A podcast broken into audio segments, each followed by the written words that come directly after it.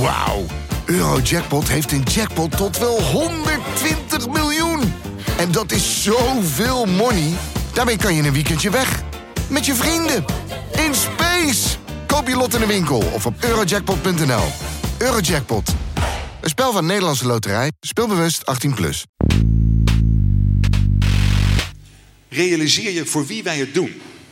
Wij doen het voor al die hardwerkende mensen die vroeg opstaan, die wat dan sociologen noemen in het spitsuur van het leven ook nog een gezin overeind proberen te houden, een carrière, al in, de, in die hele drukke fase van het leven vooruit proberen te komen. Die basale Nederlandse droom van ons vooruitgangsgeloof voort willen zetten. Daarvoor treden wij iedere dag in het strijdperk. Dus weet, u heeft een bondgenoot. En die bondgenoot, dat is de Volkspartij voor Vrijheid en Democratie. Dank jullie wel.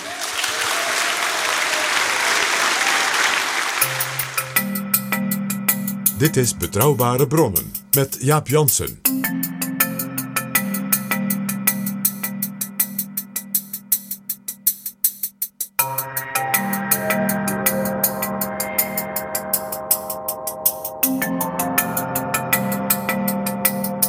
Hallo, welkom in Betrouwbare Bronnen, aflevering 52. Ik ga straks praten met Gerry van der List, die vandaag een boek publiceert over de VVD. Liberale lessen, macht en onmacht van de VVD, uitgegeven bij Prometheus. Volgens Gerry van der List is de VVD geen debatpartij meer, maar een campagnemachine ten dienste van de leider, Mark Rutte. De wrang is eigenlijk dat de VVD pas succes bokte toen afscheid werd genomen van het idee van eh, de van een debatpartij. En het echt een campagnepartij werd. En toen was uh, Ivo Opstelten was inmiddels voorzitter van de partij. Gesteund door Mark Verheijen als vicevoorzitter. En die ja, schoven dat idee van een debatpartij eigenlijk helemaal terzijde. En die waren echt voor de neuzen één kant op. En moeten eenheid creëren. En hij stond uh, pal achter uh, Mark Rutte, terwijl hij het eigenlijk, uh, die Rutte het eigenlijk in het begin eigenlijk helemaal niet goed deed. was een beetje aan het stunten, was heel erg onzeker. Maar mede dankzij de steun van uh, Yves Opstelten heeft hij het uiteindelijk gered. Door de partij om te vormen tot campagnemachine kon Rutte premier worden en dat nu al bijna tien jaar volhouden. De kiezer wil uh, graag weten waar een partij voor staat en ook de VVD. Dus ik begrijp die behoefte aan uh, eenheid in de fractie wel. Maar ik vind wel dat de VVD meer waardering zou moeten hebben voor dissidente stemmen in de partij. Voor andere geluiden voor, van de, het wetenschappelijk bureau en van de schaars intellectuelen die nog in de partij rondlopen. Volgens Van der List is de VVD inhoudelijk flats geworden en is helemaal onduidelijk waar Mark Rutte zelf voor staat. En je kunt je afvragen of de koers van Rutte, die nu wel erg ver naar het uh, midden opschuift en eigenlijk helemaal geen liberaal kompas lijkt te hebben, wel zo verstandig is. en zijn optreden bij de algemene beschouwingen vorige maand was nog een soort opgestoken middelvinger naar de rechtsachterman van de VVD. Ja, heeft Rutte eigenlijk wel een koers?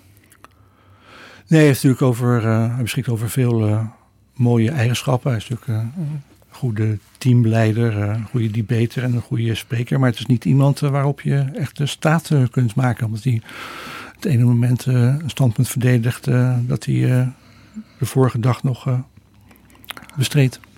Straks praat ik een uur met G. van der List.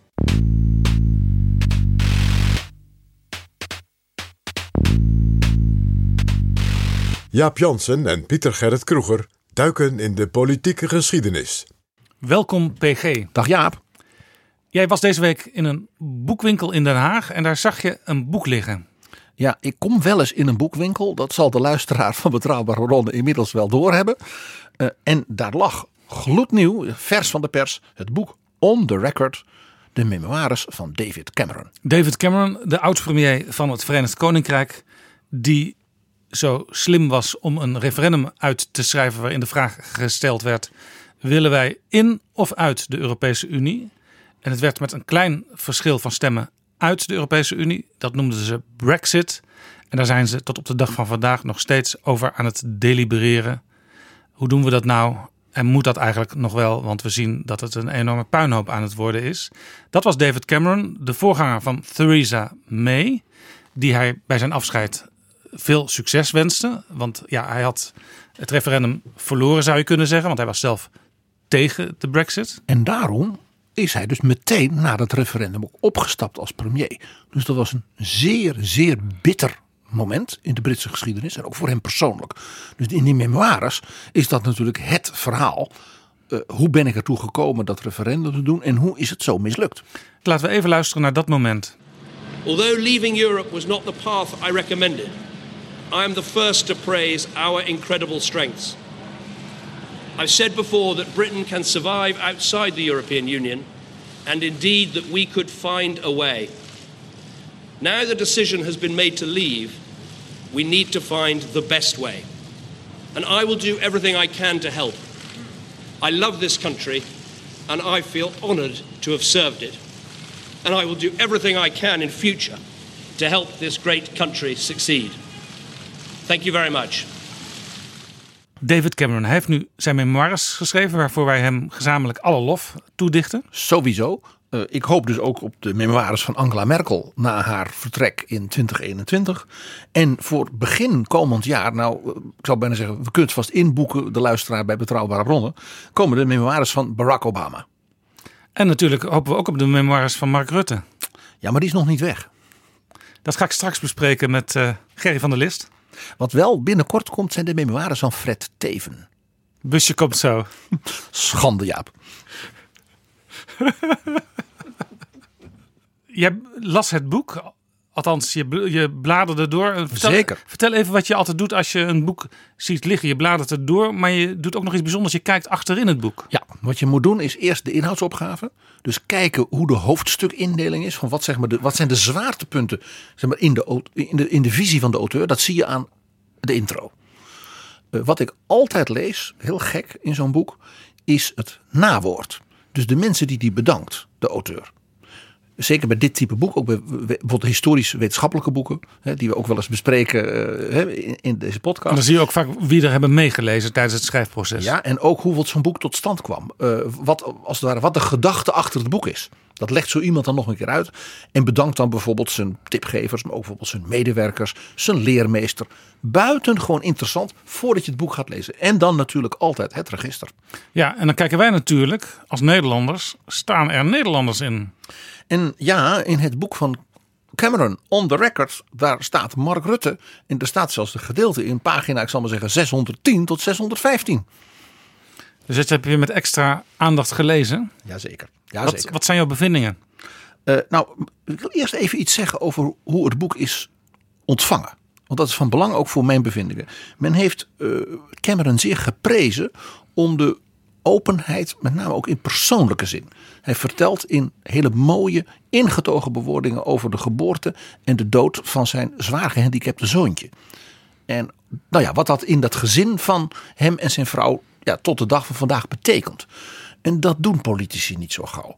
En het is niet uh, wat de Engels zeggen mawkish, hè, dus, dus, dus, dus zijig, maar wel met, ja, met grote liefde en eerlijkheid en openheid. Heel persoonlijk. Heel persoonlijk en op een hele mooie manier. Men is verbaasd, dat zal ook blijken uit het verhaal wat ik doe, dat het boek heel dik is en heel weinig zelfreflectie bevat. Ja, hij heeft bijvoorbeeld ook geen spijt van het referendum. Nou ja, dat kan, maar waarom dan niet? Dus laat ik zeggen, hij, hij reflecteert heel weinig op. Ik heb toen dat gedaan, toen gebeurde er dat. Heb ik dat nou goed gedaan? Heb ik dat minder goed gedaan? Of had ik toen een, geen alternatief? Dus het, het is niet zo reflectief. En dat is opmerkelijk.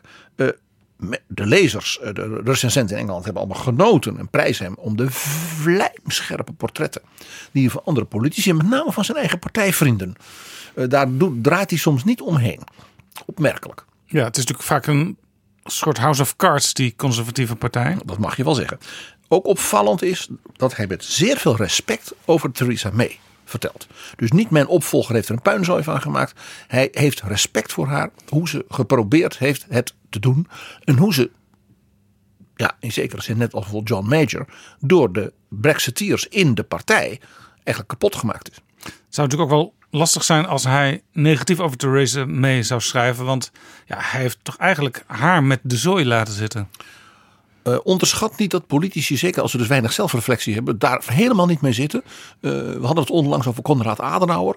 Hoe die vanaf dag nul zijn opvolger Ludwig Erhard ja, kapot gepraat heeft. En toen die aftrad, ja, mislukt. Een fles sect opende thuis om dat te vieren. Eh, politici zijn niet zo braaf. Wat schrijft hij over Boris Johnson, de huidige premier? Uh, die komt er nog eigenlijk vrij genadig vanaf. Uh, behalve dat hij zegt: ja, kijk, Boris is Boris. Het is een volstrekte opportunist.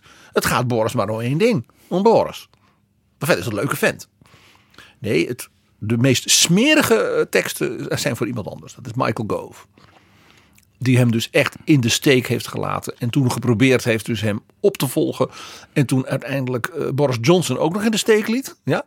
En uiteindelijk dus ten onder ging. En nu uh, weer uh, boven Jannes. Ja, Michael Gove die, die ook een van de leiders was van de pro-Brexit campagne. En dus altijd de indruk had gewekt dat hij Cameron steunde. Dus die noemt hij gewoon openlijk een verrader. Daar moeten we het dan nog eens met uh, Andrew Roberts over hebben. Die we te gast hebben gehad in Betrouwbare Bronnen over Winston Churchill. Want Andrew Roberts tipte in die aflevering van Betrouwbare Bronnen.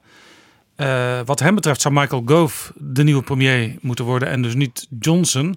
Uh, er kwam ook nog bij dat Roberts en Gove bevriend zijn. Da daarom is dus ook dit een van de dingen die dus de recensenten nogal hebben genoteerd ja, in Engeland. Dat is opmerkelijk.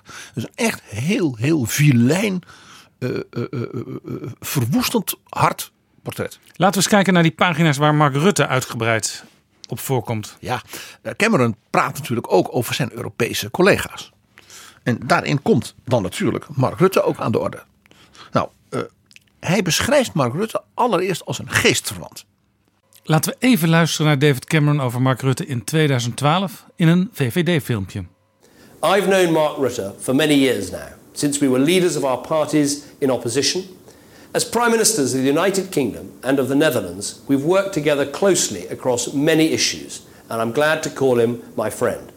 In all that time I've known Mark, three things stand out to me about his leadership. First, he's a man who gets things done. Some politicians spend more time talking about their philosophy than actually getting to grips with the problems that are holding their country back. And Mark is resolutely not one of those politicians. He's completely focused on making government do what the people actually need it to do. Whether it's in bringing your country's public finances under control or getting police out of the office and onto the streets, he's shown a single minded determination to bring change to the Netherlands and to make life better for its people. The second thing that stands out to me is the key role he's played in the European debate. In a time of real crisis, when the future is highly uncertain, nothing matters more than having leaders who will cut through the anxiety with a clear vision about where we need to go. He's consistently argued that we need all of Europe's firepower directed at growing our economies, unleashing enterprise, opening up trade, completing the single market, freeing businesses from the bureaucracy and regulation that is holding them back. In short, Mark understands that this is not just a debt crisis we're facing, but a growth crisis and a competitiveness crisis. His has been one of the loudest voices for reform in Europe, and for that I'm truly grateful.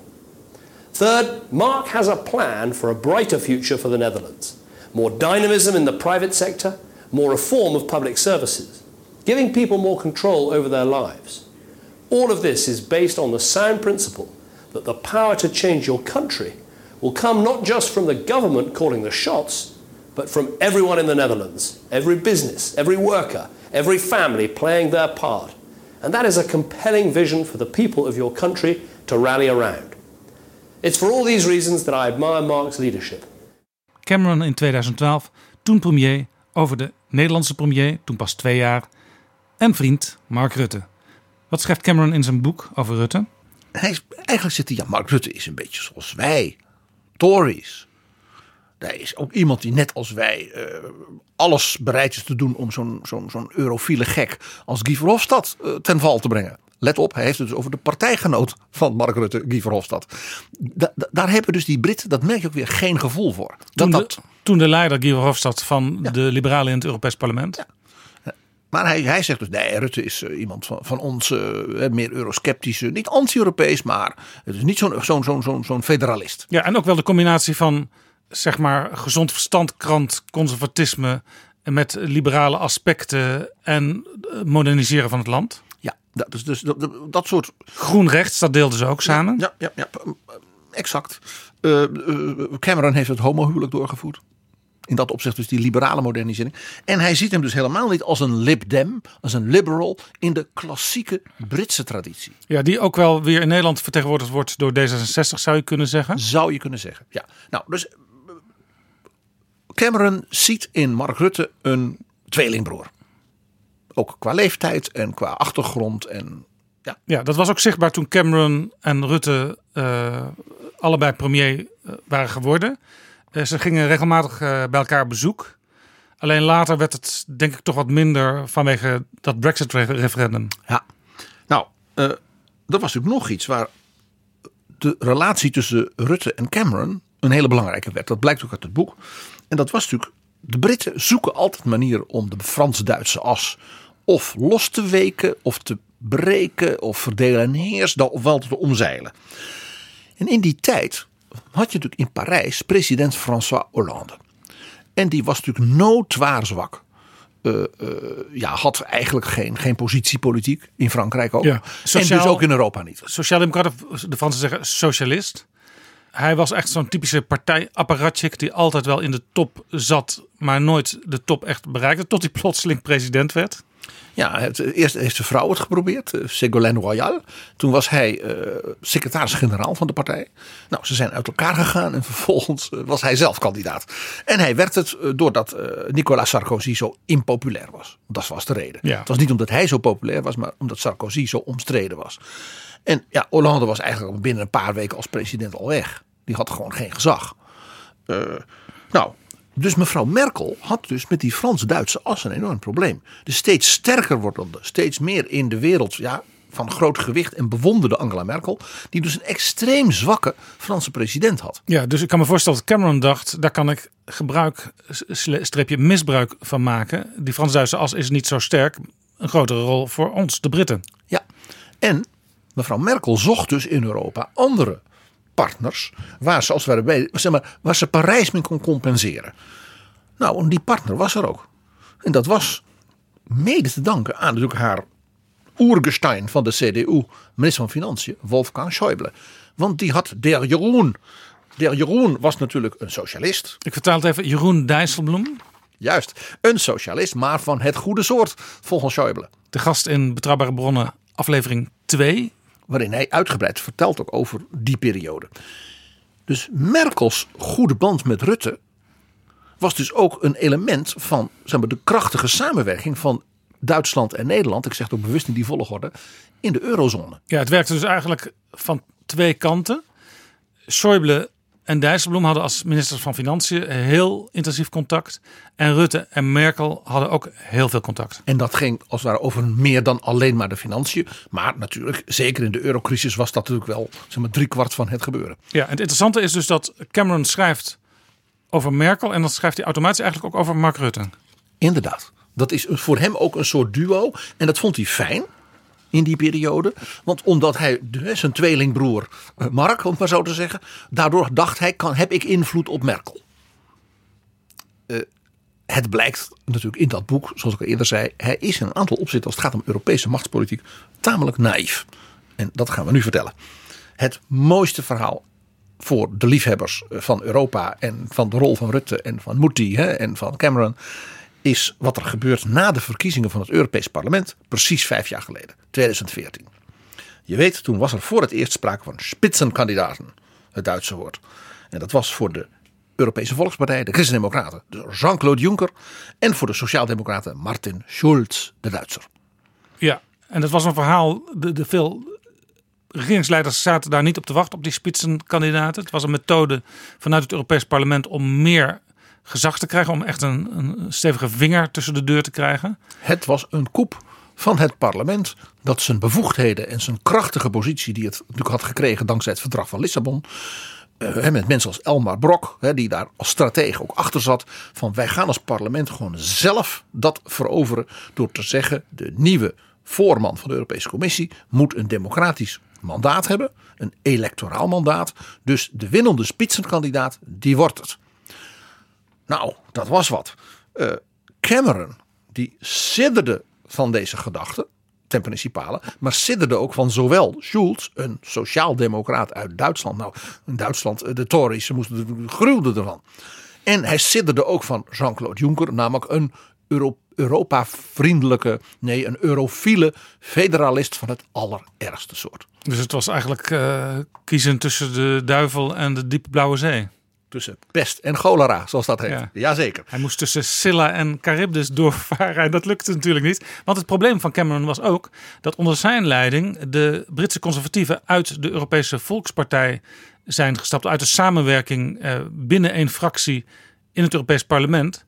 En als je met eh 20, 30, 40 Britse conservatieven in zo'n fractie zit, dan heb je invloed. Ja, zij waren met eh, de CDU en eh, de Casa della Libertà partij van Berlusconi en de PP van Spanje behoorden dus de, Tories tot de grote, wegende eh, fracties binnen de EVP. Ja, daar was altijd, wel herinner ik mij, discussie. eh, passen ze nou wel of niet in die samenwerking binnen de EVP?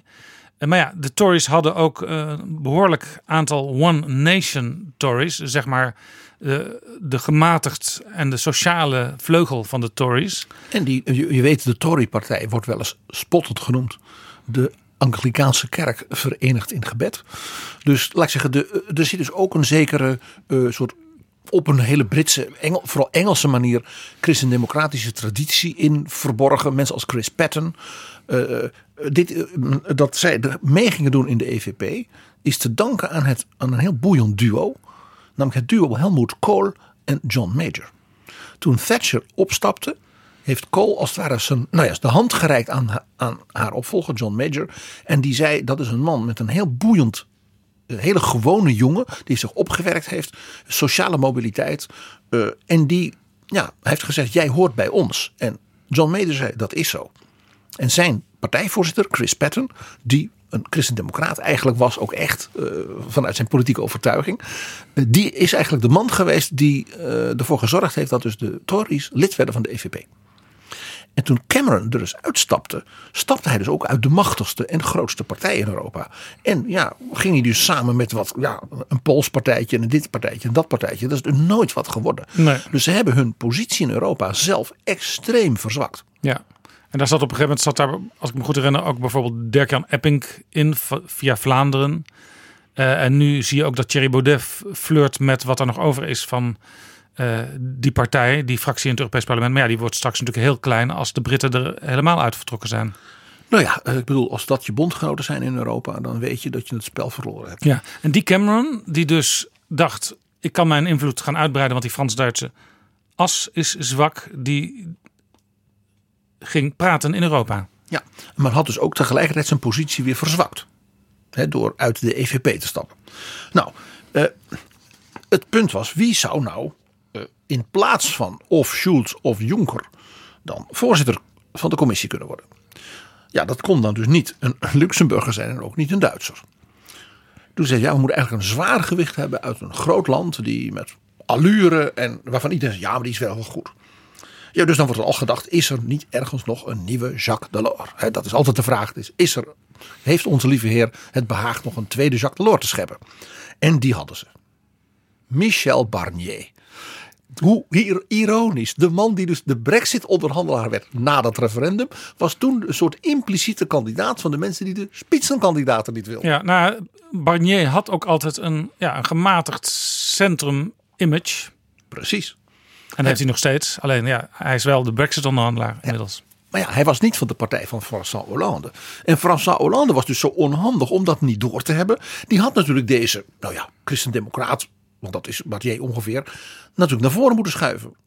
Ja, want dan heb je toch meer invloed als Frankrijk. Dan had hij waarschijnlijk met steun van Cameron en misschien zelfs met steun van Merkel Barnier dus voorzitter van de commissie kunnen maken. Ironisch de geschiedenis kan zijn. Nou, de tactiek van Cameron was: ik moet dus die Schulz zien te blokkeren en ik moet die Juncker zien te blokkeren.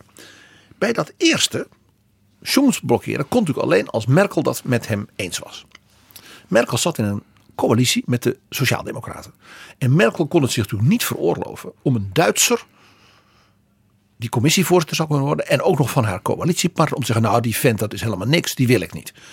Dat zou haar positie in Duitsland natuurlijk ernstig schaden. Ja. En dat zou zij dus nooit doen. Merkel weet ook, er is altijd das primaat der innenpolitiek. Maar ja, als zij kon zeggen, er dreigt een veto van de Britten en we moeten de Britten erbij houden, anders gaan ze eruit. Dan kon ze daarbij in Berlijn dus een argument hebben tegen Schulz. Ja. Nou, mevrouw Merkel had natuurlijk Cameron nodig om Juncker tegen te houden.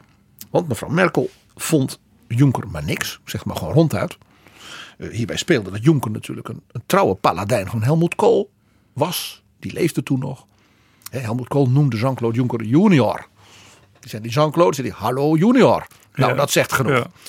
Eh, en de verhouding tussen Kool en zijn aanhanger en mevrouw Merkel is natuurlijk, was natuurlijk een buitengewoon ingewikkeld. Ja, maar ja, dan kwam Schulz op het eh, podium en dat wilde Cameron ook weer niet. Nee, dus ze hadden, ze hadden elkaar dus nodig. Merkel had Cameron nodig om Schulz af te stoppen. En Cam- Cameron had Merkel nodig om Juncker af te stop- stoppen. Je zou zeggen, een match made in heaven. Dus hij dacht, dit gaat lukken. En hij dacht, ik heb nog een geheim wapen. Dat is Merkels vriend in Den Haag. Die moet niks van die socialist hebben. Helemaal niks. Al zit hij dan met de PvdA in de regering. Maar ze hebben, eh, ze hebben Dijsselbloem En hij is ook eurosceptisch genoeg om Juncker ook niet te willen. Die zal hij wel kennen uit de Benelux. Dat is een Zwitser, die drinkt te veel. En Nou ja, de bekende verhalen over Jean-Claude Juncker. Dus dat willen we niet. Dus die dacht, ik heb... Ik ga dit winnen, Ja. dacht Cameron. Ja. Het liep helemaal anders. Want wat doet Merkel? Die stopt met Cameron en met Rutte eerst Martin Schulz af. Diep bedroefde eh sociaaldemocraten. Maar ja, ze waren niet de grootste partij geworden bij de verkiezingen. Dat was de EVP. En dus was Juncker kandidaat. Maar ze dachten, als we nou eerst zeggen, wij spitsenkandidaat Schulz niet. Dan kunnen we ook zeggen, in het kader van het evenwicht dan ook spitsenkandidaat Juncker niet. Maar junior bleek toch gehaider in het politieke spel Want wat had Junior gedaan? Merkel. Die had een alliantie met Schulz. En die zei, of jij wordt het, of ik. En dat hadden ze al ver voor de verkiezingen. Juist. Wij gaan het parlement versterken. Dat wil ik ook. Ik ben van een klein landje, Luxemburg. Wij hebben dus belang bij een groot en sterk parlement tegen die grote landen. Ja. En, en Juncker moest ook wel, denk ik, met Schulz samenspelen. Want Juncker stond zelf niet op de lijst voor het Europees Parlement. En Schulz wel. Dus om dat Europees Parlement mee te krijgen, moest je Schulz ook mee hebben. En hij zei, als jij van mij wint bij de campagne, dan volg jij Barroso op. Dan word je commissiepresident en ik zal je van harte steunen. Als ik win, dan zal ik mijn EVP jou laten steunen. Dan word jij voorzitter van het Europees Parlement. Dat was de echte droom van Martin Schulz. Ja, en dat is ook gebeurd. Is ook gebeurd. Want Jonker is iemand, als je een deal maakt, dan houdt hij zich er ook aan. En hij zegt, dan steun, je, hij zegt, dan steun ik jou. Want als wij een spitsenkandidaat commissiepresident kunnen maken, dan is daarmee de positie van het parlement ten koste van de Europese Raad, dus de regeringsleiders, enorm versterkt. Dan hebben we de facto een presidentsverkiezing. Ja. Dat was natuurlijk het laatste dat Cameron wilde.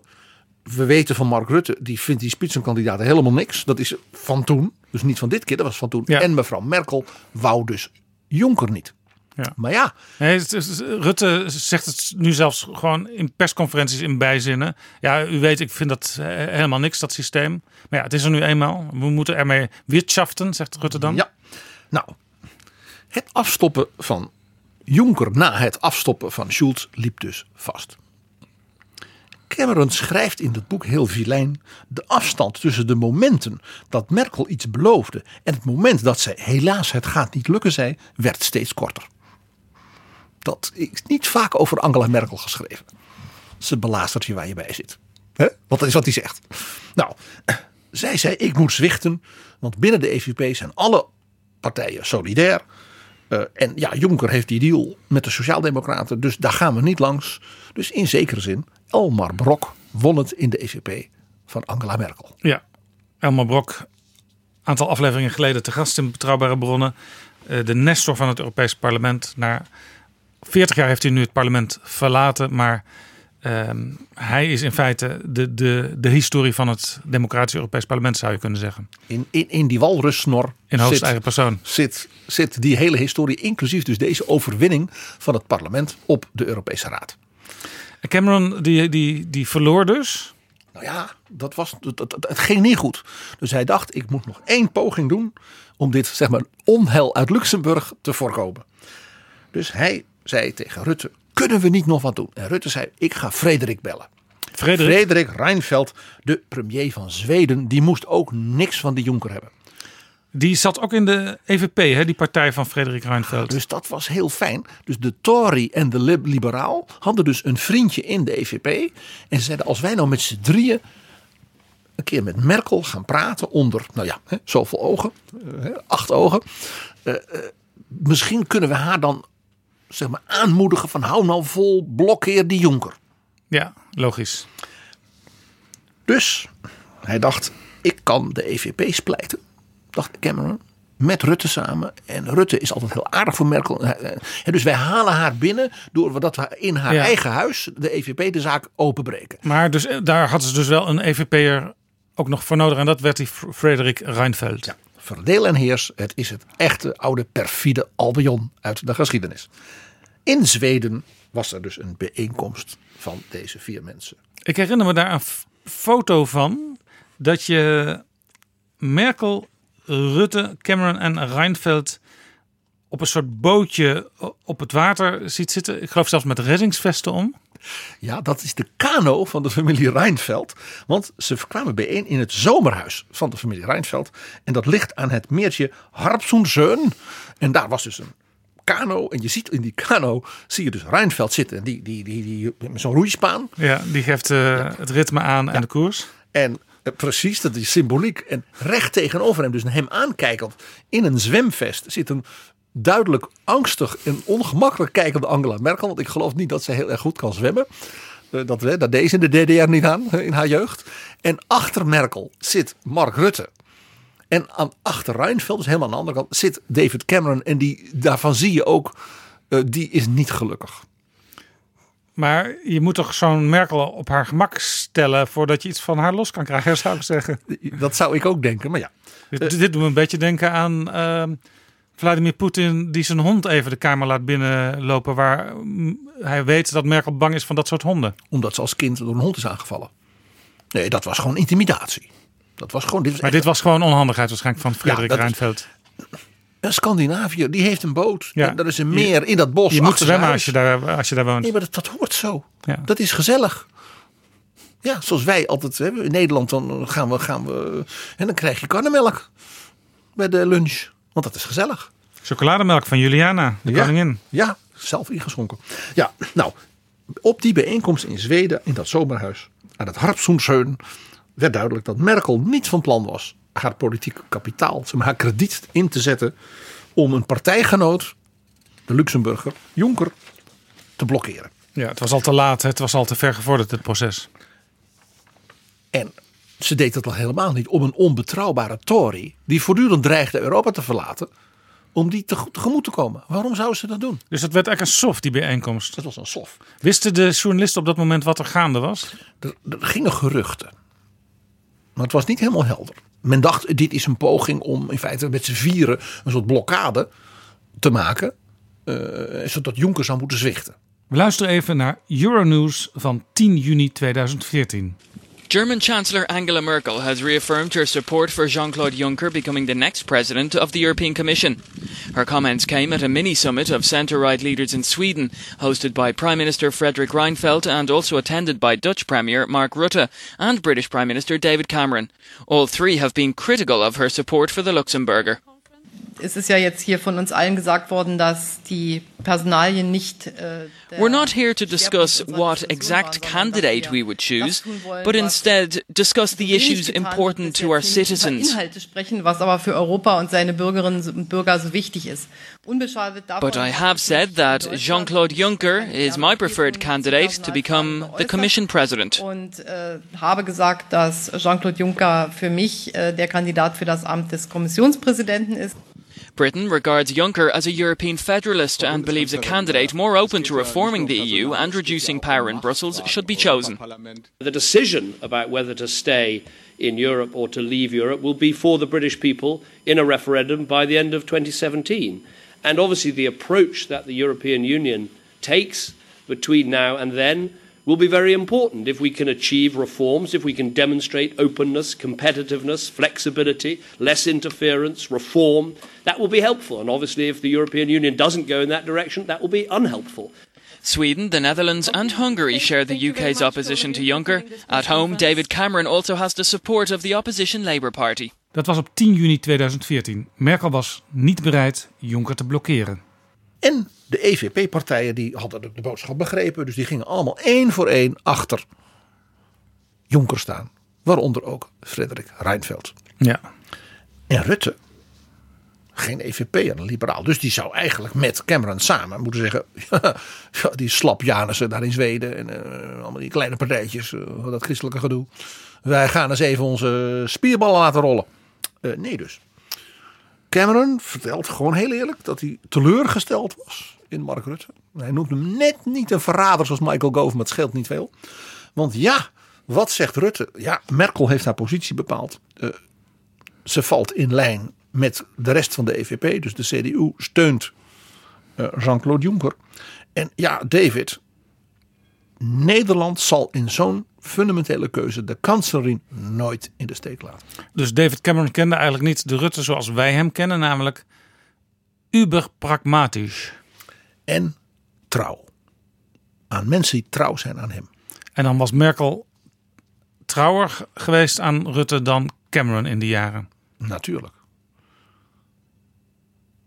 Cameron deed niet mee in de eurozone. Cameron deed voortdurend bij van alles niet mee. En dan moet je hem gaan pleasen. Dus hij had de situatie, Cameron, dat er een kabinet van de VVD, liberalen, de P van de A van de partij van Schulz, de christendemocraat uit Luxemburg steunde.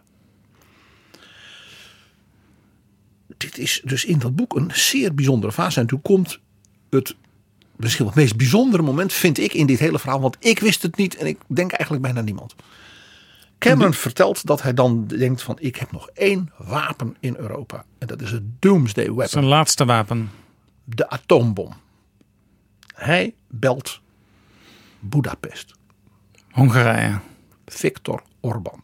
En die zegt, die Jonker, dat is toch geen man van jou.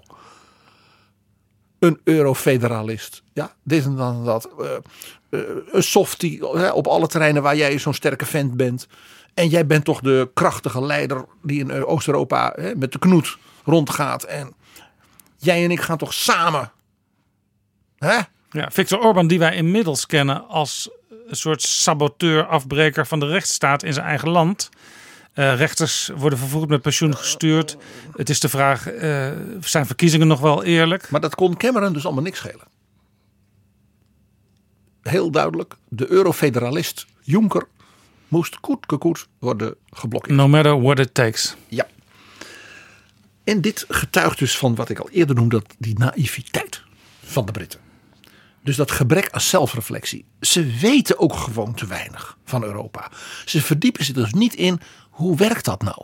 Zo'n Cameron die denkt, mijn tweelingbroer Mark Rutte, dat hij niet snapt dat als het puntje bepaaldje komt, Mark Rutte altijd Merkel trouw zal Ja, en dus ook, je, het is wel verstandig voor een grote partij uit een groot land om ook in een grote fractie in het Europees Parlement aangesloten te zijn. Want dan weet je veel meer van hoe die dingen intern lopen. Dan snap je ook de cultuur van die andere mensen. In dit geval dus ook. Want wat gebeurt er? Cameron speelt dus op de ijdelheid van Viktor Orban. Maar Viktor Orban zat met zijn Fidesz-partij wel in de EVP. En die dacht, dit is het cadeautje der cadeaus van Cameron. Want die ging dus in de EVP-vergadering zeggen, ik ben benaderd door premier Cameron. En die wil dat ik met hem samen Jean-Claude Juncker blokkeer. Hij ging het uitspelen als onderhandelingsmoment in zijn eigen club. En zei, natuurlijk doe ik dat niet. Ik ben een trouw christendemocraat. Ik ben een man van de EVP in hart en nieren. Ik sta achter onze Jean-Claude. Nou ja, wat kon dat congres anders doen dan applaus voor Viktor Orban. Zijn positie binnen die EVP werd dus enorm versterkt. En nu begrijp jij veel beter waarom dus men in die EVP zo langmoedig altijd is geweest de voorbije jaren, dus die jaren Jonker, naar Viktor Orban. Ja, ik heb vaak in betrouwbare bronnen ook aan jou gevraagd of, of gezegd tegen gesprekspartners. Waarom is die Orban nog steeds op een bepaalde manier betrokken bij die EVP? Waarom is hij niet definitief uitgegooid? Nou, nou hangt daar, loopt daar nog steeds een soort proces met een commissie. Maar, dus daar komt wel een keer een Bin- einde binnenkort, aan. binnenkort. Maar dit, dit is dus een, een voorbeeld, eigenlijk misschien wel een, een kernvoorbeeld, waarom eh, iemand toch gewenst wordt in een bepaalde context in zo'n partij. Orbán is natuurlijk ook de leider van een ja, belangrijk Oost-Europees land. Eh, maar hij had dus ook weer dingen gedaan waar men blij mee was. Hij was een trouwe partijsoldaat geweest, om het maar even zo te zeggen. En had dus Cameron en die Rutte een blauw oog bezorgd in de Europese top. Dat liet hij zich natuurlijk wel gevallen. De bedankjes van de andere christendemocratische leiders in Europa. En ja, daarmee, hij had dus weer voor jaren krediet. En Cameron stond alleen. En Cameron stond in zijn hemd. In dat zwemvest. Op dat, in dat kanootje. En dat is dan toch gek als je dan in de jaren daarna, dus vanaf 2014, eh, Juncker en Orbán steeds samen ziet op grote toppen. Waar je toch weet dat ja, Juncker is een federalist, een, een, een, een echte. Gelovige Europeaan. Ja. En Orbán, die misbruikt Europa eigenlijk voor zijn eigen nationale verkiezingssuccessen. door Europa steeds aan te klagen als een soort monsterlijke toestand. En vervolgens al die prachtige eh, investeringen in het opbouwen van de Hongaarse economie en infrastructuur. natuurlijk te verkopen als dat heb ik voor jullie geregeld. Want zo gaat dat. Maar we hebben het al eerder, heb ik je verteld, dat Orbán door zijn verleden in het kerkelijk verzet tegen het communisme. Dus ook uit die tijd met mensen als Juncker, maar ook met mevrouw Merkel. Dus nog altijd een soort persoonlijk ja, gesprek kan hebben. Van in dat verleden zitten dus hele diepe wortels. Ja. Je Van- zou, je zou het in Van Nederland begrip voor elkaar. in Nederland misschien kunnen vergelijken met zoals mensen als Rutte en eh, Wilders nog steeds wel op een bepaalde manier contact hebben, omdat ze elkaar van heel lang geleden al kennen. Dat vind ik een hele mooie vergelijking, ja. ja. En één ding. Jij en ik snappen nu die fameuze scène. Ooit een keer in een flits opgenomen bij een eurotop.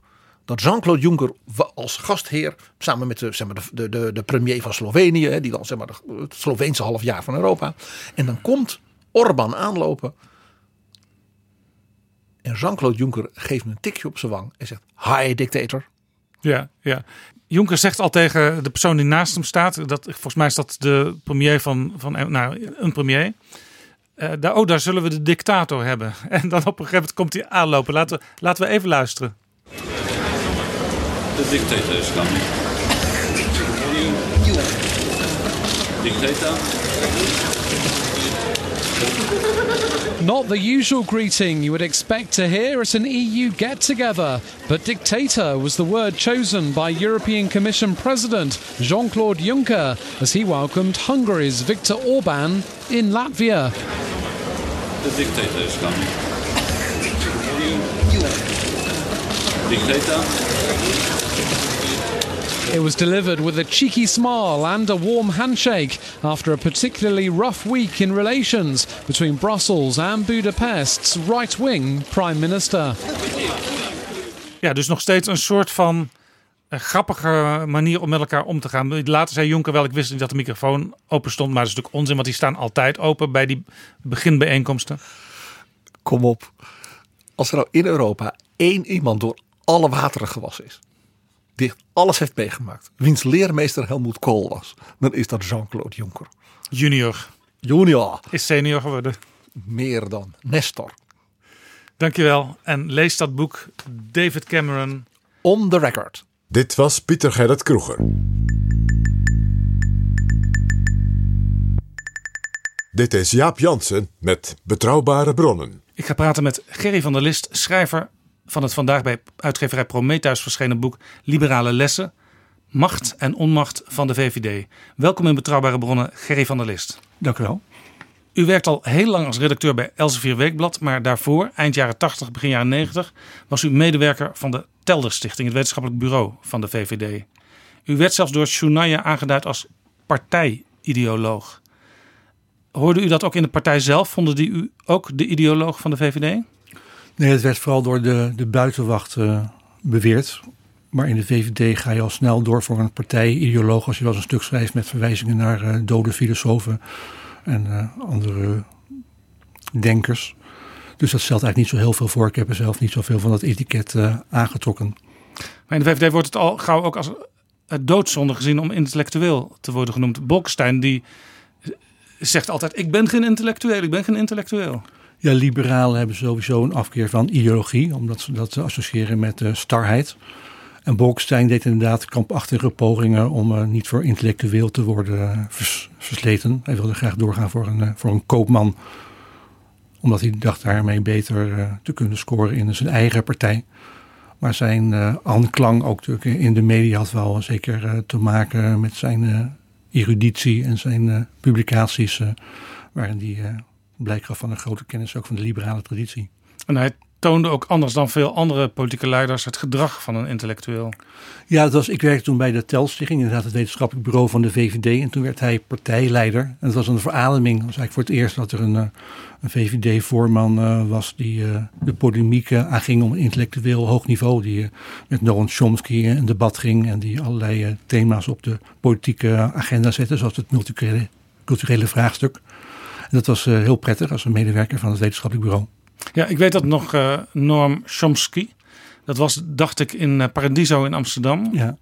Of in de Bali, maar in ieder geval daar ergens. Ergens in Amsterdam, ja. de grachtengordel. En dat was een Amerikaanse denker die nog steeds actief is. Die heel erg op de linkerflank zit. En ik vroeg me toen al af, waarom doet Bolkestein dat? Want de gemiddelde VVD-kiezer weet niet eens wie die man is met wie die zit te praten. Chomsky was een bekende linguist, maar manifesteerde zich ook als een linkse activist. En uh, Bolkestein die uh, ergerde zich aan de dominantie van links in het academische milieu. Hij zei ook van, ja, eigenlijk, degene die heersen zijn de mensen wie ideeën worden aangehangen. En de linkse ideeën die domineren in de media, maar zeker op de universiteit. Dus hij vond het noodzakelijk om zo iemand als Chomsky de, les, de rechtse les te lezen. Ja, ja. In die tijd zat hij ook een keer met uh, Gijs Schreuders, uh, die, die ooit in de top van de CPN uh, had gezeten. en hij verweet Gijs Schreuders dat er nooit excuses waren aangeboden voor het gedrag van de CPN in het verleden. Nou had Schreuders dat inmiddels al gedaan met een boek, maar zo'n discussie kon ik weer veel beter begrijpen, want dat was rechtstreeks over de Nederlandse politiek. Ja, het was een beetje ongelukkig voorval, omdat Schreuders ongeveer de enige oud-CPN'er was die wel zijn excuses had aangeboden over zijn uh, zonde uit een uh, linkse verleden. Maar het is inderdaad natuurlijk vreemd wat uh, Bolkestein constateerde dat mensen die een, NSB of een, een, bruin verleden hadden, eigenlijk nergens meer aan de bak kwamen. Van mensen die hadden gedweept met de Sovjet-Unie en met, de CPN nog overal het hoogste woord konden voeren. Bent u lid nog van de VVD of ooit lid geweest? Nee, ik was uh, lid van de VVD toen ik bij de Telstichting werkte. Maar toen ik naar de journalistiek overstapte in 1999 uh, heb ik mijn lidmaatschap uh, opgezegd. Ik vind dat je als journalist eigenlijk geen lid van een politieke partij mag zijn. hoewel mensen als Frits Wester daar anders over denken. Maar ik vind het toch wel een goede gewoonte om dat niet te doen. Ja, Frits Wester zegt er altijd bij. Ik stem meestal niet meer op het CDA. Ik ben er wel lid van, maar ik stem er meestal niet meer op. Ja, maar toch associeer je hem onwillekeurig met het CDA. Dat lijkt me geen voordeel voor een journalist. Nee. In die tijd dat u bij die Telderstichting uh, werkte, schreef u ook uw proefschrift. Dat ging over de VVD en het Nederlandse buitenlands beleid. Uh, bij dat proefschrift uh, zat ook een stelling. En die stelling luidde: een wetenschapsbeoefenaar met belangstelling voor ideeëngeschiedenis die de VVD als studieobject kiest, doet denken aan een bergbeklimmer die zijn hobby wil uitoefenen in Zuid-Holland. Dat vond ik zelf al een geestige stelling. En ook wel een trefzekere stelling, omdat inderdaad er weinig aan ideeënvorming in uh, de VVD uh, werd en wordt uh, gedaan. De titel van het proefschrift was ook een beetje ironisch, de macht van het idee.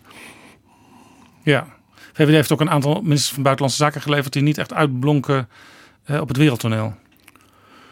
Nee, natuurlijk wat stuntelige Chris van der Klauw. Het begon wel goed met Dirk Stikker ooit, een van de ja medeoprichters van eh, de partij. Iemand met een grote statuur. Maar later is de keuze vaak wat eh, minder eh, gelukkig geweest. Ook omdat ja, de keuze heel slordig werd gemaakt. Chris van der Klauw die dacht ook dat het om een 1 april grip, grap ging. Ja, Chris van der Klauw was oud ambassadeur. Ja. Ehm, ja, een, beetje een excentrieke, deftige, verstrooide man. Ja, was een goede diplomaat op zich, maar geen eh, politicus. Hij kon zich ook helemaal niet te staande houden in eh, de Tweede Kamer. eh. En het is natuurlijk raar dat je iemand die zo weinig politieke ervaring heeft, meteen tot minister bombardeert. Ik herinner me ook een debat over de kruisraketten, waar premier Van Acht samen met Chris van der Klauw achter de regeringstafel zat. En op een bepaald moment nam de premier het maar over van de minister, want ja, van wat de minister zei begreep de Kamer helemaal niks. Nee, nee maar hij gaf zelf dat ook eh, toe. Het was een heel lieve man. Hij heeft later nog memoires gepubliceerd. En die ook erkende dat hij eigenlijk helemaal niet eh, geschikt was voor dat eh, politieke metier. Ja. En nu zit Stef Blok er op Buitenlandse Zaken. Wat betekent dat voor de macht van het idee van de VVD? Ja, het is natuurlijk ook opmerkelijk dat Mark Rutte zich graag met eh, vertrouwelingen omringt. En dat merk je ook aan de keuze van de ministers van Buitenlandse Zaken en Defensie. Dat is eerst eh Uri Rosenthal van 2010 tot 2012. Later Halbe Zijlstra en dan nu Stef Blok. En dat zijn drie mensen die niet echt eh, bekend stonden vanwege hun grote ervaring in de internationale arena. Ja, en Janine Hennis op Ja. Defensie. Dus dat zou je als een zwakte van Rutte kunnen beschouwen. Terwijl er in het Europees Parlement natuurlijk al heel lang eh, iemand zat die met een hele grote kennis had van internationale politiek. En min of meer in de wieg gelegd leek voor het ministerschap van Buitenlandse Zaken. Hans van Defensie, Balen. Hans van Balen. Maar het verhaal gaat dat Rutte niet zoveel in Hans van Balen zag. Dus die heeft het eh, nooit tot minister kunnen schoppen. Hoewel Van Balen wel elke eh, donderdag ook bij het bewindsliedenoverleg zat vanuit Straatsburg, kwam hij dan Ja. extra vroeg terug. Jij was ook eh, vrij vaak in Den Haag, ook ten koste van zijn werk misschien wel in het Europees Parlement. Dus Van Balen wist precies wat er ook in de Nederlandse nationale politiek speelde. Ja. En had dus aan beide kanten zowel de inhoudelijke internationale kennis als de binnenlandkennis alles voor. Ja, dat zou iets persoonlijks zijn geweest dat eh, Van Balen nooit het, eh, minister is geworden. Ja, nou, nou zegt, zei u dus bij uw proefschrift. eh, als je belangstelling hebt voor ideeëngeschiedenis, eh, dan moet je eigenlijk niet de VVD als studieobject kiezen. Nu heeft u een, een boek geschreven van zo'n 250 bladzijden over de VVD. Ja, het gaat niet alleen om de VVD als ideeënpartij, maar natuurlijk ook de VVD als machtspartijen. Was eh, geïntegreerd door die eh, merkwaardige doorbraak in 2009, 2010. Toen de VVD ineens eh, verrassend genoeg de grootste partij van het land werd. En Mark Rutte de eerste liberale premier sinds een eeuw. Ja, de laatste was Kort van der Linden. Dat boek, daar bent u dus eigenlijk op zoek gegaan naar dat geheim van hoe kan die partij eh, nu ineens plots, vrij plotseling de grootste van Nederland eh, zijn geworden. Ja, dat geheim van de VVD, dat vond de uitgever wel eh, leuk eh, klinken. Het is natuurlijk heel moeilijk om zo'n geheim inderdaad eh, te ontdekken. Maar ik heb wel geprobeerd om de, de factoren te onderzoeken die leiden tot, het, tot de doorbraak van de VVD tien jaar geleden. Als ik het mag samenvatten, uw boek, dan komt er eigenlijk op neer. Vroeger was het een beetje een ama- amateuristische club, een kiesvereniging. Er zijn een aantal pogingen gedaan om er een debatpartij van te maken. Maar inmiddels is het een geoliede campagnemachine die vooral in het teken staat van steun aan de lijsttrekker. In dit geval Mark Rutte. Ja, het is wel een erg bondige samenvatting die het eh, rijke boek misschien niet helemaal eh, recht doet. eh, maar er zit wel een kern van waarheid in van wat u zegt. kijk, je had begin deze eeuw had je het post-fortuin klimaat. Eh, toen moesten de luiken open bij de VVD. De VVD moest een debatpartij worden. Eh, je had toen een lijsttrekkersverkiezing in 2006. Je had een heel interessant rapport, eh, het Liberaal Manifest, dat de discussie moest stimuleren. Ja, Jan van Zanen was toen de voorzitter van de partij in die Ja. tijd. En die wilde er echt een debatpartij van maken. Ja.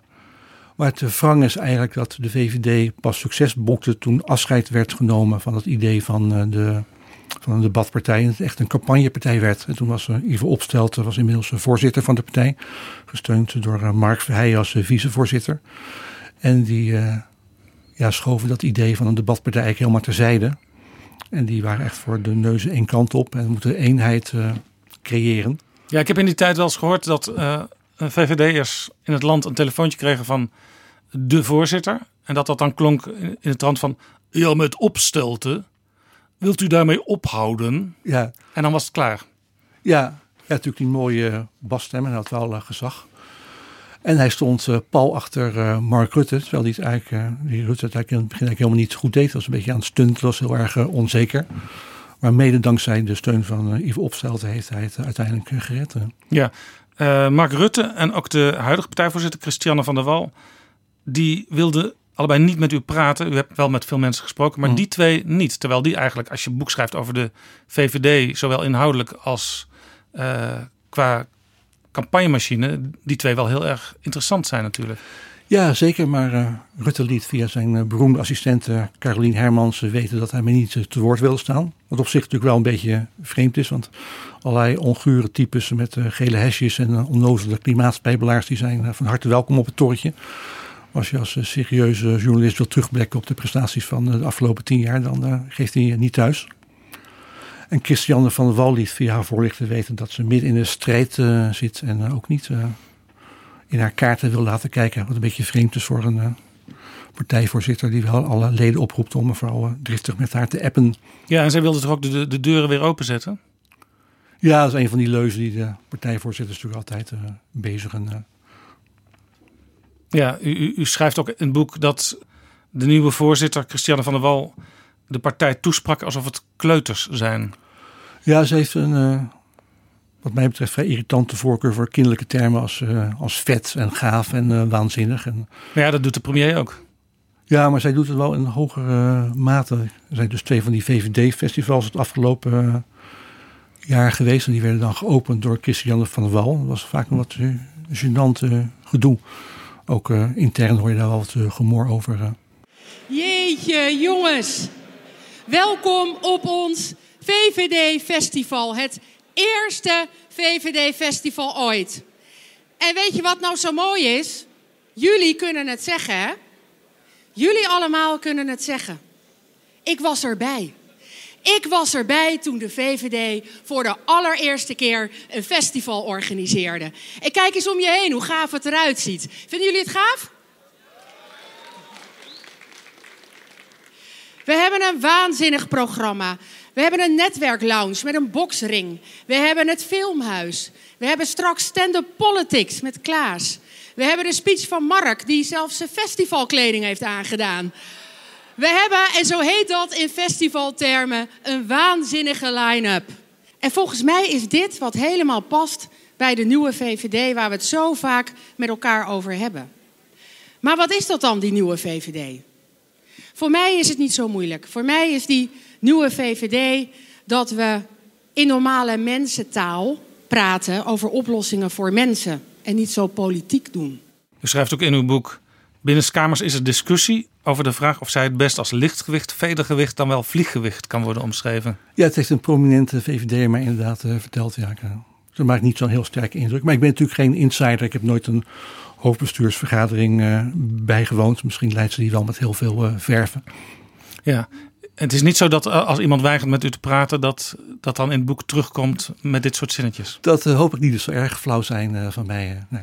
Nee, nee, over Bovendien Rutte... spreek ik ook heel positief over alle deugden van Mark Rutte. Ja, dat wou ik net zeggen. Ja. Ja, ja, ja. Dat, de, als je meer over Rutte en de VVD wil weten, dan is het boek echt een aanrader. Want het, het staat uh, goed samengevat en ook nog wel een paar interessante details waar we het, waar we het later in dit gesprek uh, nog over hebben. Dat zijn dus tegenwoordig festivals bij de VVD. Nou zei een VVD'er mij, ja, maar als je daar rondloopt, er zijn wel degelijk allerlei meetings in zijzaaltjes waar wel degelijk inhoudelijk wordt gesproken. Ja, het is best uh, interessante bijeenkomst, ook met die workshops uh, s ochtends. En er worden ook uh, buitenstaanders uitgenodigd. De laatste keer was Eddie de Stal, hè, die filmregisseur, grote man achter Vrij Links. Ja. Maar het heeft allemaal iets heel vrijblijvends. Er hoeft niks mee te gebeuren. Wordt dat liberaal manifest in 2005, dat leidde tot een heel verhit, was ook erg warm toen, in congres in Groningen. En uh, daar werd serieus over gediscussieerd. Er werden amendementen aangenomen. Er werd toen gepleit voor uh, invoering van referenda. Voor de gekozen burgemeester. Uh, voor de gekozen minister-president zelfs. En dat werd ook aangenomen? Ja, dat werd toen aangenomen. Dat, dus weet, later dat, dat is iedereen vergeten in de VVD? Ja, dus later eigenlijk niks meer mee gebeurd. Tot grote frustratie van Geert Dales, die die commissie toen voorzat. Ja, die er nu ook al niet meer in zit in, nee, in de partij. Tegenwoordig actief bij 50 plus. Ja, er werd toen trouwens ook wel smalend gezegd, ja, dat congres vond plaats in Groningen en daar wonen veel studenten, dus vandaar al die nieuwigheden. Ja, het was ook heel warm. Mensen zaten al vroeg op een terrasje. Dus uh, er werd dan gesuggereerd dat die amendementen zijn aangenomen. Omdat eigenlijk de harde kern al uh, op het terras zat of met de trein naar huis was. Ja. Was, er was dat trouwens... is wel een, een, serieus inhoudelijk debat. Het heeft nu iets vrijblijvends.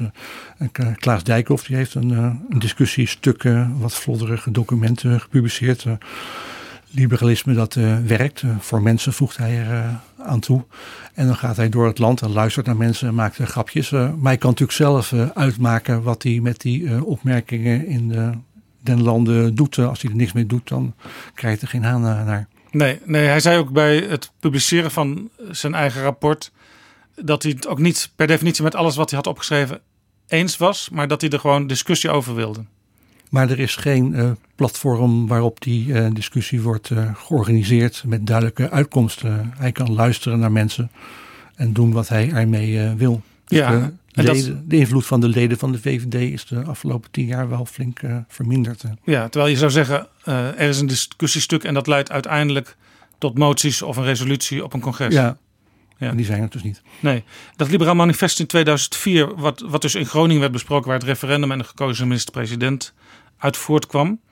Uh, die commissie die dat, uh, dat vond ik wel interessant in uw boek. De commissie die dat ging schrijven, die kreeg als uh, randvoorwaarde mee dat niet getornd mocht worden aan de AOW, aan de hypotheekrenteaftrek. Die moest blijven staan als een huis. En ook niet aan het Koningshuis. Is dat niet raar? Want in een liberale partij moet je toch alles kunnen bediscussiëren? Ja, in principe wel. Maar Jan van Zanen, toen uh, voorzitter, die die opdracht uh, gaf, die was bang dat het zoveel commotie zou veroorzaken als er iets republikeins werd gezegd. Dat hij dat maar wilde voorkomen. Op zich is dat wel begrijpelijk. En Geert Dales, de voorzitter van de commissie, kon daar wel goed mee leven. Ja, nee, ik, ik, ik praat wel eens met bijvoorbeeld mensen uit de Partij van de Arbeid. En dan zeg ik, moet je eigenlijk principieel niet tegen de monarchie zijn. En dan zeggen PvdA's bijvoorbeeld, Jacques Wallager, die ik wel eens daarover geïnterviewd heb. Die zeggen dan, ja, principieel ben ik dat uh, met u eens. Maar we hebben nu eenmaal dit koningshuis en ze doen het goed. Dus we gaan er verder geen punt van maken. Dat, begrijp, dat zou iedereen begrijpen, ook denk ik, van de VVD-kiezers. Ja, dat geldt misschien ook wel uh, voor de principiële liberalen die in de VVD rondlopen. Maar de, de verbondenheid met de het Koningshuis als Nationaal Instituut is zo groot dat ik wel begrijp dat er niet heel veel kritiek is op eh, de Oranjes. Eh. Ja, ik weet niet of het nu nog gebeurt, maar vroeger als ik op VVD-congressen kwam, dan begon zo'n congres altijd met een telegram van aanhankelijkheid aan het Koningshuis. Ja, ja, dat heb ik ook nog uh, meegemaakt. Uh, bij die VVD-festivals is die gewoon in ieder geval uh, losgelaten. Ja, of, of het is gebeurd zonder dat je er erg hebt. Ja, Um, er, wordt dus, er wordt dus wel gediscussieerd in de partij, maar niet meer structureel. En het leidt niet per definitie tot een uitkomst. Uh, Gerrit Voerman die heeft ook verschillende boeken over de VVD geschreven. U sprak hem ook voor het boek. Die noemt de VVD de minst politieke partij van Nederland. Bent u dat met hem eens? Ja, het hangt een beetje af uh, van je definitie van politiek. Maar het is wel een partij die veel hecht aan uh, gezelligheid. Het zijn gezelligheidsdieren die het fijn vinden om met elkaar samen te komen en die het uh, debat voeren op het scherp van de snede niet uh, de prioriteit geven. Nee. Harm van Riel, dat is al heel lang geleden, jaren zeventig. Hij was de, beetje de leermeester van de jonge Hans Wiegel. Die zei ooit tegen Joop van Tijn van Vrij Nederland: In de VVD heerst middelmatigheid. Dat klopt. Dat heeft hij toen gezegd. En, is, dat ook, is dat ook uw beeld nu? We zijn inmiddels eh, een jaar of veertig verder. Ja, middelmatigheid. Hij doelde vooral op uh, intellectuele middelmatigheid. Dat heeft te maken met uh, de geringe hang naar het debat. Maar verder lopen natuurlijk heel veel capabele en deskundige figuren in de VVD rond. Dus ik zou het nou niet meteen als een middelmatige partij willen karakteriseren. Ja, toch, toch komt heel erg naar voren dat gebrek aan, aan echte discussie in de VVD. Uh, u citeert in uw boek ook Thijs Niemands verdriet van NRC Handelsblad. Die de VVD van een open partij zag gaan naar een gesloten bolwerk van gedrilde frontsoldaten. De partij staat heel erg in het teken van de volgende verkiezingen winnen. Ja, ik heb de citaat van Niemands verdriet aan veel uh, Kamerleden en senatoren voorgelegd. en ze zeggen allemaal dat ze zich niet in dat beeld uh, herkennen. Maar de buitenwacht herkent zich wel natuurlijk in dat uh, beeld. Uh, want uh, ja, er is een neiging ook wel om vooral toch de, de neuzen één kant op te laten gaan. En de eenheid te bewaren. En zich te ombrengen met de ja-knikkers. Er zitten ook niet heel erg eh, kleurrijke figuren. Ook niet, wordt nu in de nieuwe Senaatsfractie. Uh, Annemarie Jorsma wekt de indruk toch wat stevigere figuren te hebben geweerd. en, ja, Ankie Broekers-Knol bijvoorbeeld, die wel eens anders ja. stemde, die mocht niet terugkomen. Nee, het verhaal gaat dat Johan Remkes ook heel graag in de Eerste Kamer wilde zitten. En Hans van Balen zou dat ook hebben gewild. maar ze heeft toch Jorsma misschien wel een voorkeur gehad voor wat meer flexibele figuren met wat minder staturen. En dat is niet goed voor het aanzien van uh, zo'n Eerste Kamerfractie. En ook niet voor de Tweede Kamerfractie, waar het uh, min of meer hetzelfde voor geldt. Ja, ja nee, ik weet nog vroeger, toen ik, toen ik in de jaren tachtig politiek journalist werd, zaten in de VVD, in, in elke fractie zaten echt characters. Theo Joekes bijvoorbeeld in het begin nog. Maar er waren er veel meer. En dat waren ook mensen die, die mochten gewoon in talkshows optreden zonder dat ze dat van tevoren allemaal met de afdeling voorlichting hadden afgestemd. Ja, het aantal characters in de Tweede Kamerfractie is nu vrij uh, gering, ja. Ik heb ook veel VVD'ers uh, gesproken die nog met nostalgie terugdachten uh, aan, aan Broos van Erp. Het was een banketbakker uit Brabant die enorm verbonden was met het midden- en kleinbedrijf. en zo'n zulke figuren ontbreken nu ook Sowieso is natuurlijk de link van de VVD met het uh, bedrijfsleven kleiner geworden. Er zijn niet echt meer. Uh, ja, dat is ook de klacht van Wiebren van Haga, die, die, die twee weken geleden uit de fractie werd gezet. Ja. Die zegt, er zitten geen ondernemers meer in de VVD. En ik, ik wilde die ondernemer zijn, maar ook voor mij is blijkbaar geen ruimte. Ja, dan had hij zich uh, gewoon aan afspraken moeten houden. Dus uh, vind ik een, klacht die niet helemaal terecht is. kijk, als je netjes opereert en je aan afspraken houdt, dan is er ook wel plekken in een Tweede Kamerfractie ja, en hij had natuurlijk uh, wat akkefietjes als uh, tussen aanhalingstekens huisjesmelker. En toen sprak hij af dat hij het bedrijf op afstand zou zetten. En dat bleek niet het geval. En toen moest hij gaan. Ja, en terecht lijkt mij. Ja, maar heeft hij, hij heeft wel gelijk dus dat er uh, weinig on, echte ondernemers nog in de fractie zitten. Ja, je hebt natuurlijk ook die tournuren gehad van Mark Rutte. Die vorig jaar bij de algemene beschouwing nog een lans brak voor de afschaffing van de dividendbelasting. zonder daar trouwens heel goede argumenten voor eh, te kunnen leveren. Maar nu was het vooral eh, kritiek op het bedrijfsleven. Die hoorde ook vanuit de mond van eh, Klaas Dijkhoff. Ja, Dijkhoff zei zelfs in een gesprek met mij in Betrouwbare Bronnen. toen ik hem daarop aansprak. Ik ben niet de woordvoerder van VNO-NCW. Nee. Maar Jesse Klaver sprak al de vrees uit dat Dijkhoff hem links passeerde. En en Jasper van Dijk van de SP die had het over uh, Rutte. Dat gaat natuurlijk wel een beetje eh, ver, maar het uh, laat toch wel zien dat de VVD nu erg naar het midden opschuift. Een soort toch een capitulatie voor links.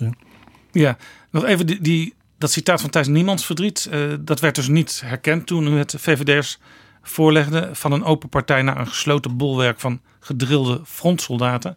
Ik kwam in uw boek een anekdote tegen ik zoek natuurlijk in zo'n boek ook altijd naar, naar dingen die nieuw voor mij zijn. En dat vond ik wel heel spannende.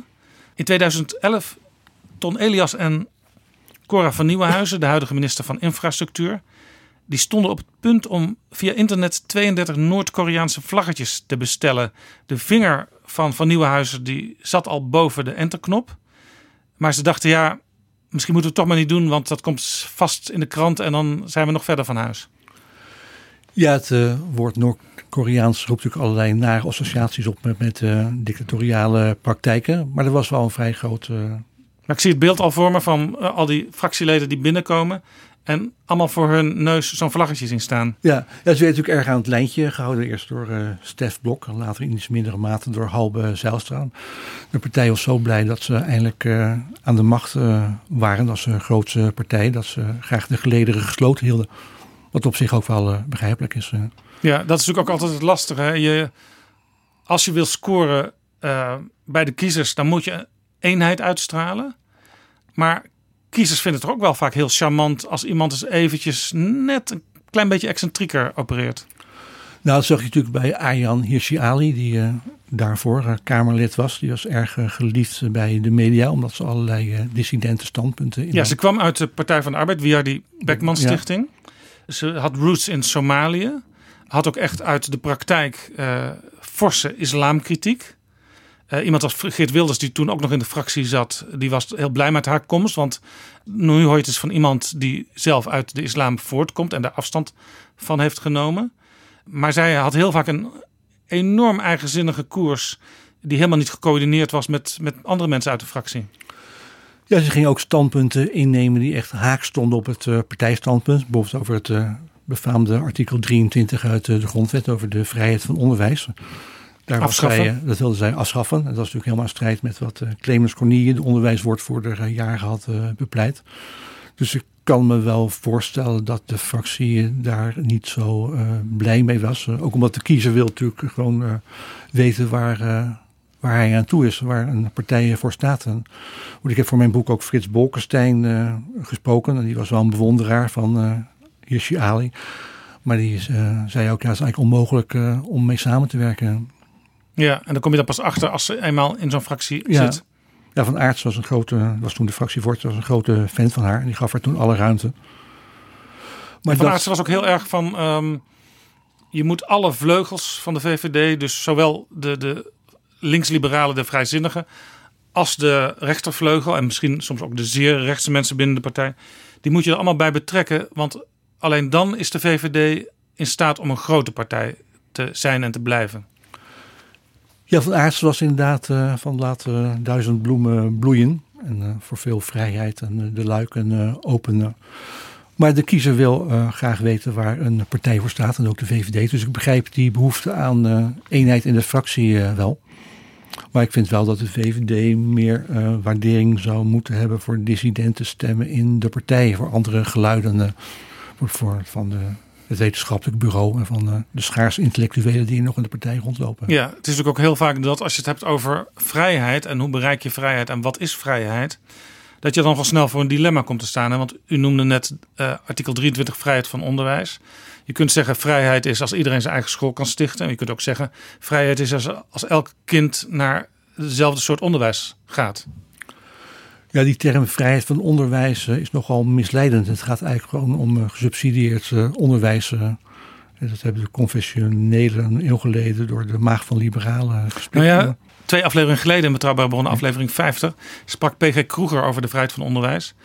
En die vertelde eigenlijk dat Thorbecke al in de grondwet van 1848 de basis had gelegd voor die vrijheid van onderwijs. En dat Thorbecke ook eigenlijk groot voorstander was van door mensen zelf opgerichte scholen. Ja, er is een verschil tussen uh, vrijheid van onderwijs en gesubsidieerd onderwijs. Dat was uh, 100 jaar geleden de, de, bekende schoolstrijd. En toen hebben de confessionelen eigenlijk uh, gezegevierd. En die hebben toen uh, gesubsidieerd onderwijs in de maag van liberalen gespitst. Het natuurlijk helemaal geen liberale beginsel is. dat je confessioneel onderwijs op kosten van de belastingbetaler hebt.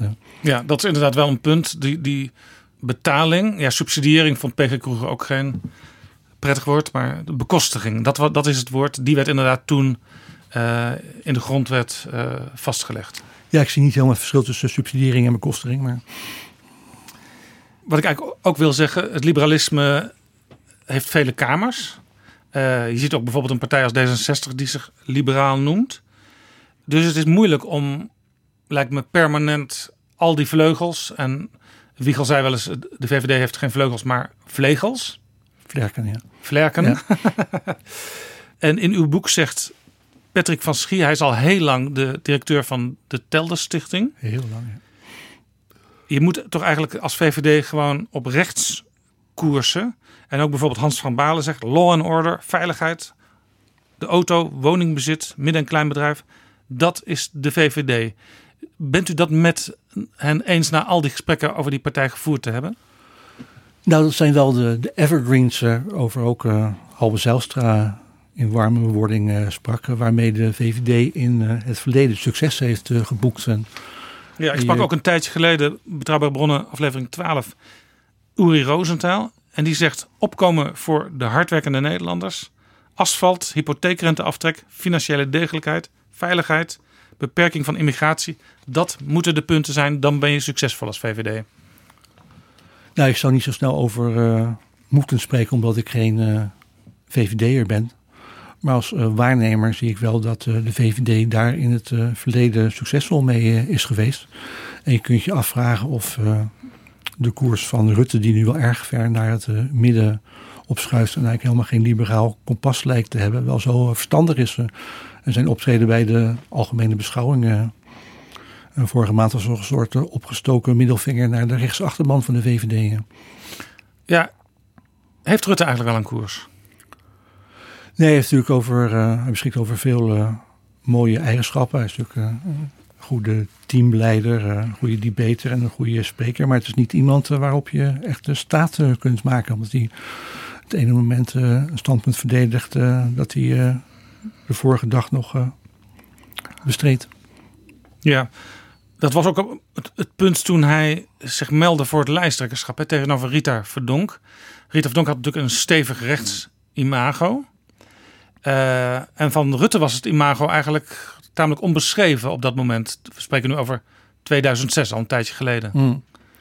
Nou, hij had natuurlijk wel een beetje links imago. Hij was JOVD-voorzitter geweest, waarop hij eh, ook kritiek had gehad op de, de terechtse koers van uh, notabene Joris Voorhoeven, die toch wel als een vrij progressieve, liberale... Ja, en inmiddels ook geen lid meer is van de VVD. In Nee. D66 Ja. zit hij. Dat klopt, ja. En ook als staatssecretaris had hij wel tamelijk eh, links aandoende opmerkingen gemaakt over de VVD als eh, sleetsmerk en over een paringkettingcultuur. eh. en, Ja, hij wilde af van de parelkettingen. Ja. Mensen als Ankie Broekers, die waren daar boos over. Ja, de bekende parelkettingendraagster in eh, de VVD, die was erg ontstemd over... eh, En Frits Bolkestein heeft Rutte en ook Melanie Schultz, die datzelfde vond, nog op het matje geroepen. Ja, Bolkestein die ging toen naar het winstpersonenoverleg eh, en die las eh, de lessen. Ook omdat hij vond dat eh, Rutte en eh Schultz eh, eigenlijk de taal van de vijand overnamen. Dus, door te spreken over de VVD als een sleetse merk. Ja. Dus daarom was ook wel de, de populariteit van Rita Verdonk, die met haar ferme taal voor, voor de rechtse VVD stond, wel begrijpelijk. Ze heeft ook maar heel nipt verloren. Ja, vroeger toen het CDA nog in elk kabinet zat en het vaak ook een beetje voor het kiezen had of ze de VVD of de Partij van de Arbeid erbij betrokken om zo een meerderheid te vormen. Toen zeiden de tegenstanders van het CDA altijd: ja, je weet, je weet niet waar die partij voor staat. Die kunnen eigenlijk met links, met rechts. eh, heeft het CDA wel echte harde opvattingen? Zou je dat nu kunnen zeggen als je over de VVD van Mark Rutte spreekt? Ja, de VVD heeft natuurlijk niet de machtspositie van het CDA, is een stuk eh, kleiner. En daardoor ook minder eh, dominant. Maar het is wel bijna zo dat de, zonder de VVD geen kabinet gevormd kan worden. Nee, maar dat pragmatisme en die flexibiliteit gelden in ieder geval voor eh, de, de partijleider, eh, voor Rutte, die inderdaad even makkelijk met de ChristenUnie of met eh, PVV of met de Partij van de Arbeid regeert. En misschien bij de volgende verkiezingen wel met GroenLinks. Misschien wel, ja. Dat had er nu al bij natuurlijk ingezeten. Maar als een partij helemaal in het teken staat van campagnes richting de volgende verkiezingen en de lijsttrekker, dat is degene eh, die het verhaal moet vertellen, dan wordt de partij zelf wel erg bleek, denk ik. Ja, dat geldt natuurlijk eigenlijk voor alle partijen. De, de lijsttrekkers zijn heel erg belangrijk. Ja, tenzij een lijsttrekker eh, zich heel erg afficheert op die koers van die partij. Marianne Thieme die neemt nu afscheid van, eh, van het leiderschap van de Partij voor de Dieren. En niemand zal zeggen dat het onduidelijk is waar de Partij van de Dieren onder haar leiding voor staat. Nee, maar bijvoorbeeld de SP is de afgelopen jaren eigenlijk nauwelijks eh, ideologisch en organisatorisch veranderd. Maar eh, zonder eh, de ooit zo populaire Jan Marijn is het toch maar aanmodder geblazen. Dus die man drukte een heel erg groot tempo op de partij. En zonder Thierry Baudet en zonder Geert Wilders zou de Forum voor Democratie en PVV natuurlijk ook helemaal niks zijn. Toch zegt u ook in uw boek dat de partijen in Nederland, zeker de partijen die in, het, in en om het midden hangen, dat die eigenlijk ook steeds meer op elkaar zijn gaan lijken. U schrijft zelfs ook het CDA is een variant geworden van het liberale denken. Dus blijkbaar doen die verschillen er in het algemeen niet meer zo toe. Nou, dat is wel een paradox waar ik ook in mijn boek op probeer te wijzen. Dat aan de ene kant het liberalisme heeft eh, getriomfeerd. Dat was al datgene waar Fukuyama een tijd geleden over sprak. Dus eh, de ideeën die liberalen al eh, sinds eh, eeuwen verkondigen, die eh, zijn algemeen geaccepteerd. Socialisme en communisme, die spreken helemaal niemand meer aan. Ja, je zou kunnen zeggen in Europa klopt dat wel. Hoewel zeg maar de sociaal-democratische kritiek op het kapitalisme wel uh, langzamerhand ook weer bezit neemt van de meeste partijen? Ja, dat is ook de paradox waar ik op weet. Dus dat liberalisme heeft gewonnen. Maar het is wel een heel erg sociaal liberalisme. Dus een links liberalisme met heel veel uh, ruimte voor uh, de overheid en heel weinig verantwoordelijkheid. Dus dat neoliberalisme waarover waar wordt gesproken en geklaagd is een soort uh, fictie. Die, dat bestaat helemaal niet in Nederland. Nee, dat is het gekke. Je hoort om de haverklap kritiek op het neoliberalisme. Een aantal jaar geleden was dat nog vooral uit de hoek van de SP. Maar nu neemt bijna iedereen het in de mond, lijkt het wel. Ik hoor het zelfs soms binnen de VVD klinken. Ja, dat is heel vreemd, want uh, de verzorgingsstaat die bemoeit zich overal mee. En bijvoorbeeld de collectieve lastendruk die is onder Rutte alleen maar gestegen en gestegen.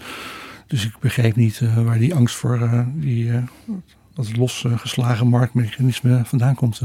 Ja. Hier en daar heeft de VVD bijvoorbeeld met Edith Schippers in de gezondheidszorg geprobeerd om wat meer marktwerking te realiseren. Maar dat is natuurlijk niet een neoliberaal spookbeeld. Nee, maar als het CDA conservatief-liberale trekjes heeft, Partij van de Arbeid sociaal-liberale trekjes. En zelfs de PVV uh, eh, enigszins liberaal is. Uh, ja, dan kun je eigenlijk ook al bijna niet meer onderscheid maken dan met de lijsttrekker. Nee, dan komt het inderdaad voor een groot deel neer op de lijsttrekker. Zoals het CDA bijvoorbeeld in Wopke Hoekstra over een tijdje een populaire lijsttrekker zal hebben. En Rutte neemt afscheid van de VVD. Dan zou de VVD wel eens op de tweede plaats of derde plaats kunnen komen. Ja, ja, en dat is dan eigenlijk ook volstrekt logisch. Ja. U heeft in uw boek een aantal uh, tips voor de VVD, een aantal uh, vingerwijzingen van hoe kun je het beter doen dan je het nu doet. Wat u betreft. U bent geen lid, maar u heeft al adviezen. En een ervan is dat er uh, ook wel aan normen en waarden moet worden gedaan uh, door de partij. Dat is eigenlijk heel erg ook, zeg maar, het vaarwater van het CDA. Balkenende bijvoorbeeld uh, was daarmee bezig. Maar ik hoor ook Hugo de Jonge daar wel dingen over zeggen. Wopke Hoekstra, Buma deed het natuurlijk ook. Dat is dus een advies van u aan de VVD. Let daar ook op. durf te moraliseren. Ja, Bolkestein heeft dat wel eens geprobeerd. Die heeft een poging gedaan om plechtig gezegd een conservatieve deugde ethos in het liberale denken te incorporeren. Dus inderdaad het hamer op het uh, belang van uh, fatsoen en moraliseren. Die werd toen weggehoond bij een, een partijraad waar hij nog altijd zeer verbitterd over is, over dat voorval. Maar ehm, het succes van de VVD heeft ook te maken met het combineren van het vrijheidsideaal en met het hameren op uh, fatsoen. En dat gebeurt nu ook wel in minder intellectuele bewoording uh, dan uh, Bolkestein deed. Wordt dat doe normaal van, van Rutte en van de VVD. Dat is echt het hameren op van wees netjes. En ja, stond ook op affiches VVD normaal punt doen punt. Ja. Dat is eigenlijk het hamer op het, uh, het fatsoen uh, van uh, weleren. Fatsoen klinkt waarschijnlijk een beetje te, te belegen. Men associeert dat in de VVD ook met het CDA. Maar doe normaal, dat komt eigenlijk meer op hou je aan de regels en gedraag je netjes. Ja, soms zegt Rutte ook wel dingen om dat te benadrukken die weer het andere uiterste zijn. Bijvoorbeeld toen bleek dat er rond de jaarwisseling nogal wat hulpverleners belemmerd waren in hun werkzaamheden uh, toen zei Rutte: Ik zou die mensen die die hulpverleners bedreigen, het liefst persoonlijk in elkaar slaan. Uh, ik begrijp waar het vandaan komt, maar dat klinkt toch ook weer niet erg fatsoenlijk. Nee, die uitdrukking was uh, niet zo gepast. Maar hij heeft ook waarschijnlijk wel door schade en schande geleerd dat het heel belangrijk is om op die ouderwetse normen en waarden te hameren toen hij pas fractievoorzitter was en naar zijn vorm uh, zocht, toen probeerde hij zich te manifesteren als uh, kampioen van de vrijheid van meningsuiting. Hij uh, zei zelfs dat je de holocaust moest ontkennen en dat kwam hem erg slecht. nou, niet moest ontkennen, maar moest kunnen ontkennen. Ja, moest kunnen ontkennen, dat klopt. En dat was dus eigenlijk een hele theoretische opmerking. Ja, dat behoorde volgens hem bij de vrijheid van meningsuiting. En daar valt ook veel voor te, te zeggen, voor dat liberale standpunt. Maar het kost dan wel bijna zijn kop. Want uh, ja, die vrijheid van meningsuiting die uh, interesseert uh, veel VVD'ers toch niet echt, heb ik de indruk. Nee. Um, toch is ook daar de vraag waar ligt de grens? Hè? Want tolerantie kan ook ertoe leiden dat intolerantie de kans krijgt. Ik, ik, sprak afgelopen week in Betrouwbare Bronnen Sander Dekker, de minister voor Rechtsbescherming. En die komt binnenkort met een wetsvoorstel naar de Kamer om uh, radicale organisaties uh, aan te kunnen pakken. Bijvoorbeeld organisaties die het salafisme aanhangen. En hij zei, je moet niet tolerant zijn tegen intolerantie. Wij hebben allerlei eh, vormingscursussen bij de VVD. En dan krijgen ze bepaalde leuzen in gestampt. Bijvoorbeeld tolerantie houdt op waar de intolerantie van anderen begint. niemand weet eigenlijk wat dat betekent, maar het klinkt wel diepzinnig. En daar hoort die uitspraak van Dekker ook bij. Maar het is natuurlijk inderdaad een dilemma. In hoever moet je gaan met het tolereren van mensen die heel andere normen en waarden aanhangen. In het bijzonder moslims. Ja, dus dit, dit is ook wel een dilemma. Hoe, hoe ga je dan die, dat moraliseren toepassen? Hoe, waar moet je het doen en hoe, hoe ver moet je gaan daarin? Ja, ik heb natuurlijk ook geen oplossing voor. Ik ben maar een eenvoudige journalist.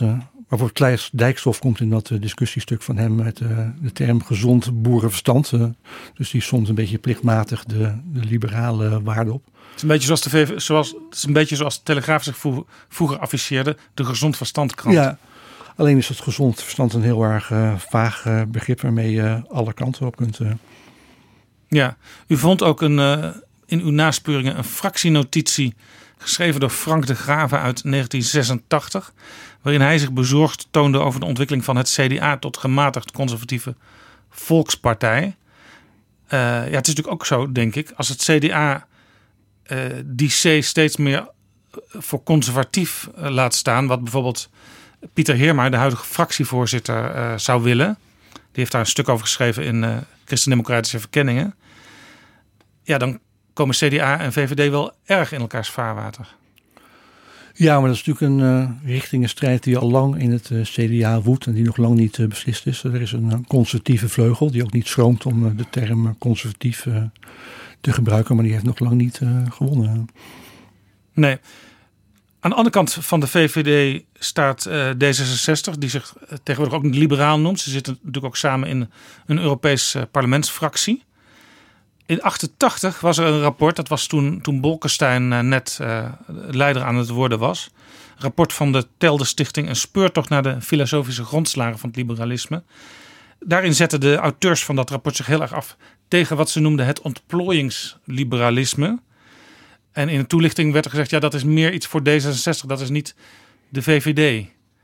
Ehm, dat was op zich een heel heldere standpuntbepaling. Want dan weet je, ja, hier staat de VVD voor. En dat vrijzinnig liberalisme, dat ontplooiingsliberalisme, daar, daar moeten andere partijen zich maar mee bezighouden. Ja, het rapport heeft uh, vrij veel uh, aandacht gehad. Zeker voor een studie van de Telder Stichting. ook omdat er allerlei prominenten in die commissie zaten. Was u toen al binnen bij de Telder Stichting? Een jaar later ben ik toen ah, in dienst getreden. En toen ik in dienst trad heb ik ook gemerkt dat het rapport echt geen enkele invloed heeft gehad.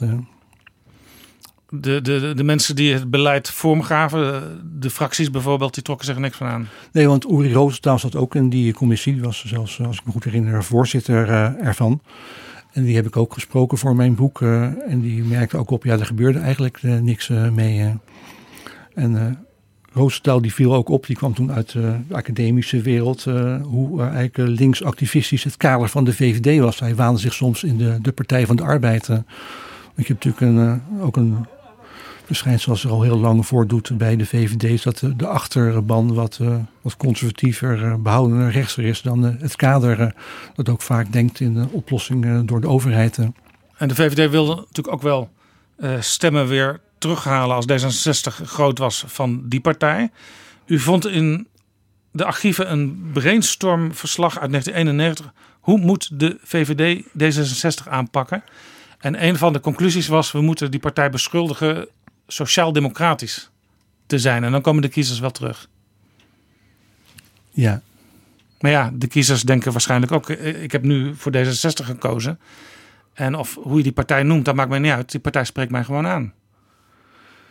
Ja, maar natuurlijk altijd uh, wat partijen doen. Hoe kunnen ze de concurrentie eh, zwart maken? Net zoals uh, afgelopen jaar veel is nagedacht over hoe je Thierry Baudet in een uh, verdomhoekje kan plaatsen. Dat was toen D66 was de grote concurrent.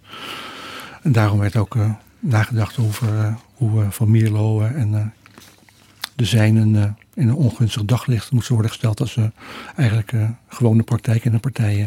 Ja, ja. En dan kun je ze beter maar eh, als een, eh, bijwagen van de Partij van de Arbeid eh Ja, portretteren. En als je het over Thierry Baudet en het Forum voor Democratie hebt, dan hoeft eh, de VVD eigenlijk niet zoveel te doen. Hè? Want ze kunnen volstaan met verwijzen naar de puinhoop die er daar de laatste tijd van gemaakt wordt.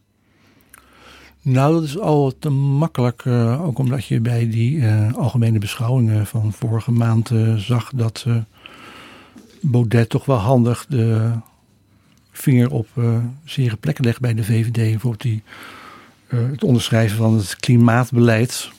Volgens mij eh, is de achterban van de VVD daar niet heel erg enthousiast over. eh, en ook toch eh, erg weinig doen om het, eh, de immigratie te beperken.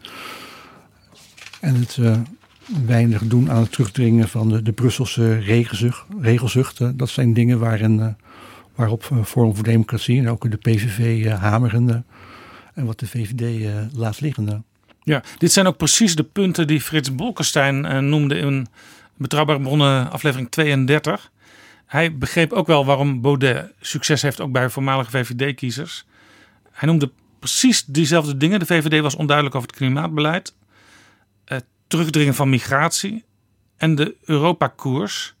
En Bolkestein noemde het klimaatdenken een kerk. En hij vond ook dat eh, de VVD eigenlijk het beste aan doet om samen te werken met eh, Forum voor Democratie. Maar ik zie in de praktijk vooral dat de VVD afstand neemt. Ja, dat zegt eh Dijkhoff ook wel eens in het parlement. Van ik zou wel willen samenwerken met PVV en Forum, maar zij tonen helemaal geen neiging tot coöperatie. En ze bewegen zich in een soort splendid isolation. Dus dat is ook wel een probleem voor de VVD dat die samenwerking vaak niet wil lukken. Ook door de soms eh, wat ongelukkige formuleringen van eh, Wilders. en eh, de, de, ja, de puinhopen die Baudet soms van maakt. Ja. En dan wordt het natuurlijk ook wel lastig als je straks weer als VVD moet, moet formeren. Ja, als de PVV en Forum voor Democratie eigenlijk eh buitenspel staan, dan zijn het meestal eh linksere partijen waar de VVD mee moet samenwerken. Ja, je kunt ook wel eh, natuurlijk eh, klagen over die, die linkse koers van de VVD. Maar het is ook een duidelijk dilemma waarmee de partijen kampt. En vaak hebben ze ook niet een andere keuze, omdat die samenwerking met PVV of Forum voor Democratie op allerlei praktische problemen eh. Ja, de VVD kan natuurlijk wel zeggen tegen coalitiepartners: wij willen steviger en herkenbaarder eh, in een kabinet zichtbaar zijn en in een eh, regeerakkoord. Ik heb nu wel eens het idee, dat hoorde ik ook wel uit de VVD rondom de kabinetsformatie. Is, is die partij eigenlijk wel voldoende zichtbaar? Dat was bijvoorbeeld ook een reden dat eh, Mark Rutte op het laatste moment in de formatie nog met het afschaffen van de dividendbelasting kwam. Ja, we moeten als VVD toch iets hebben waar we op af te rekenen zijn. Ehm, en u schrijft het ook in uw boek. Als je kijkt naar de bewindslieden van de VVD, dat zijn ook niet de meest sprankelende en eh, de- de uitspattende eh, leden van het kabinet. Nee, in dit kabinetsbeleid zeker niet echt een, eh, een VVD-stempel. vroeger was er een minister van Economische Zaken, iemand die opkwam voor het, voor het bedrijfsleven, voor de BV Nederland. eh.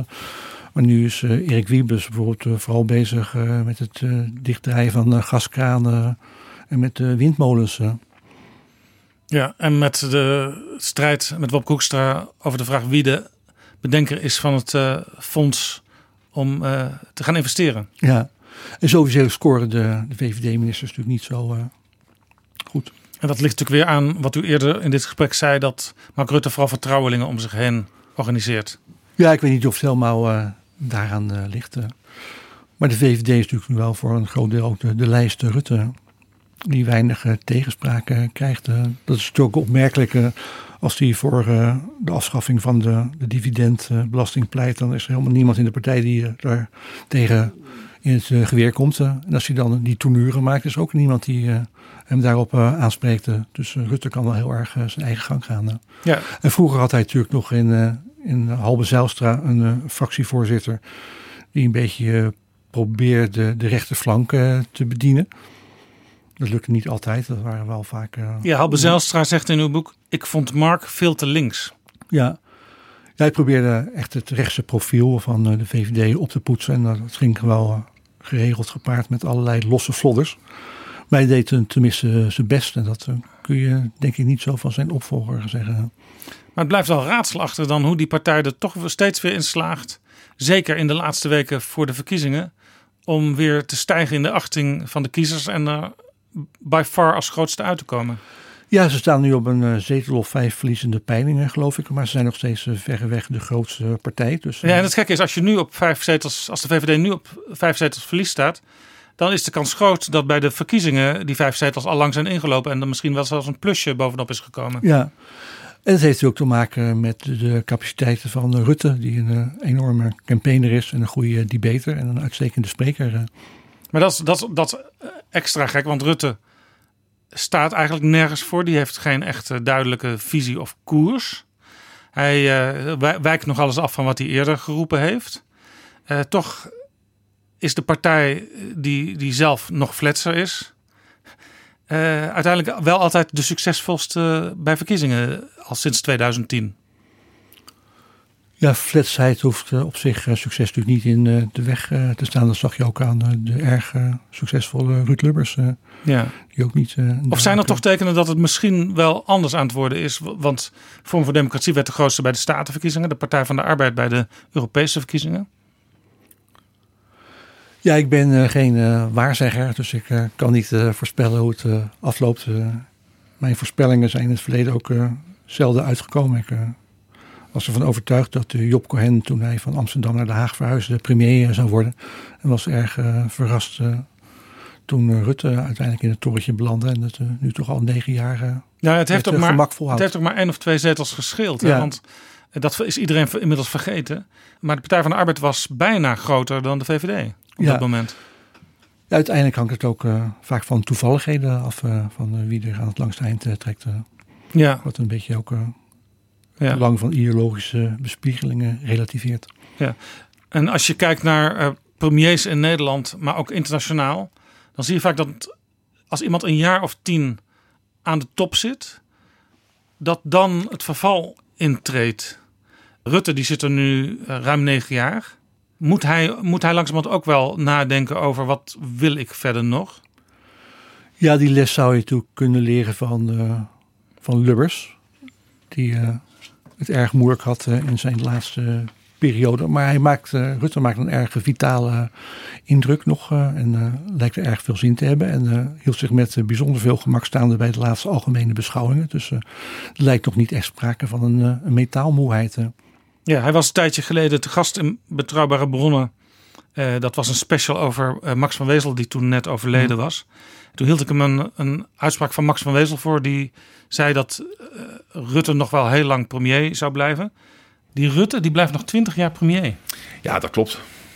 Dat is aan mij ligt wel. Maar ja, eh, eh, ik moet iedere keer zo'n half jaar voor de verkiezingen weer besluiten wat ik ga doen natuurlijk. Maar ik vind het, ja, ik, ik heb, ik, het voelt nog steeds als de eerste dag. Met andere woorden, hij slijt blijkbaar niet. Nee, die indruk wekt hij inderdaad. Ja. We zullen het zien.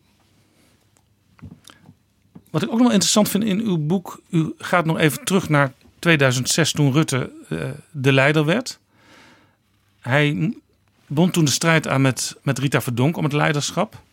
Rita Verdonk die bleef toen ook nog heel lang eh, zeuren. Ik heb meer voorkeurstemmen gehad dan Mark en ik moet eigenlijk de leider zijn. Ze stond toen op een gegeven moment in een café. Ik, ik stond daar een paar meter eh, naast te, te kijken hoe dat ging. Stond zij min of meer de leiding op te eisen. hè. Er moest een commissie komen met Bolkestein en Wiegel, die nog eens even zou kijken wie nou eigenlijk de leider zou moeten zijn. Eh duurde een hele tijd nog en toen heeft eh, Rutte Rita uit de fractie gegooid, omdat ze maar bleef zeuren en zeiken. Eh, maar u, u hebt nog eens met een loep die tijd, die periode bekeken. En u schrijft eigenlijk, die partij had toen wel kunnen scheuren. Nou, dat zegt bijvoorbeeld uh, Annemarie Jortsma in mijn uh, boek. Dat als uh, Rita Verdonker had gewonnen, dan was de VVD waarschijnlijk uh, doormidden gespleten. En was ik in ieder geval geen lid meer geweest. Jortsma zei, ik zou zeker mijn lidmaatschap hebben opgezegd. Inderdaad, ja. ja. En er waren er nog wel meer, want ik stond daarbij toen de uitslag bekend werd gemaakt. Uh, door een beetje een warrige notaris in het uh, Okura ja. Hotel in Amsterdam. Enorme zaal. En veel mensen uit, eh, vooral van de Binnenhof-VVD, die hielden echt hun hart vast als die Rita toch maar niet de baas wordt. Ook omdat Verdonken het beste scoorde in uh, de peilingen. Maar die peilingen waren wel gebaseerd op onderzoeken onder VVD-sympathisanten en uh, VVD-kiezers. Dat is natuurlijk een andere groep dan de VVD-leden die mochten stemmen. U schrijft in uw boek dat Rutte in die periode en ook toen hij zelf al de leider was, maar Rita nog, nog rondliep, maar zelfs al toen ze, toen ze verdwenen was, toen ze verwijderd was, dat Rutte daar heel erg onzeker uh, door werd. Ja, dat zeggen ook uh, alle mensen in zijn omgeving, zoals wordt Jan Driessen, die toen campagneleider voor hem was, dat hij echt zocht naar een inhoud en ook eigenlijk niet wist wat hij aan moest met de verworven macht. En niet meer de, de charmante en zo positieve Mark was van wel eer. Ja. Hij was wel aangedaan en aangeslagen door de de gewonnen strijd met uh, Rita Verdonk. Het had dus ook, zelfs toen Rita al weg was, uh, mis kunnen gaan.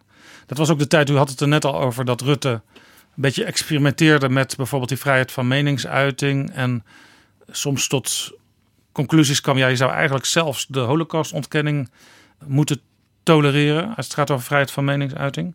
Hij is toen tot de orde geroepen hè, door, door anderen in de top van de partij.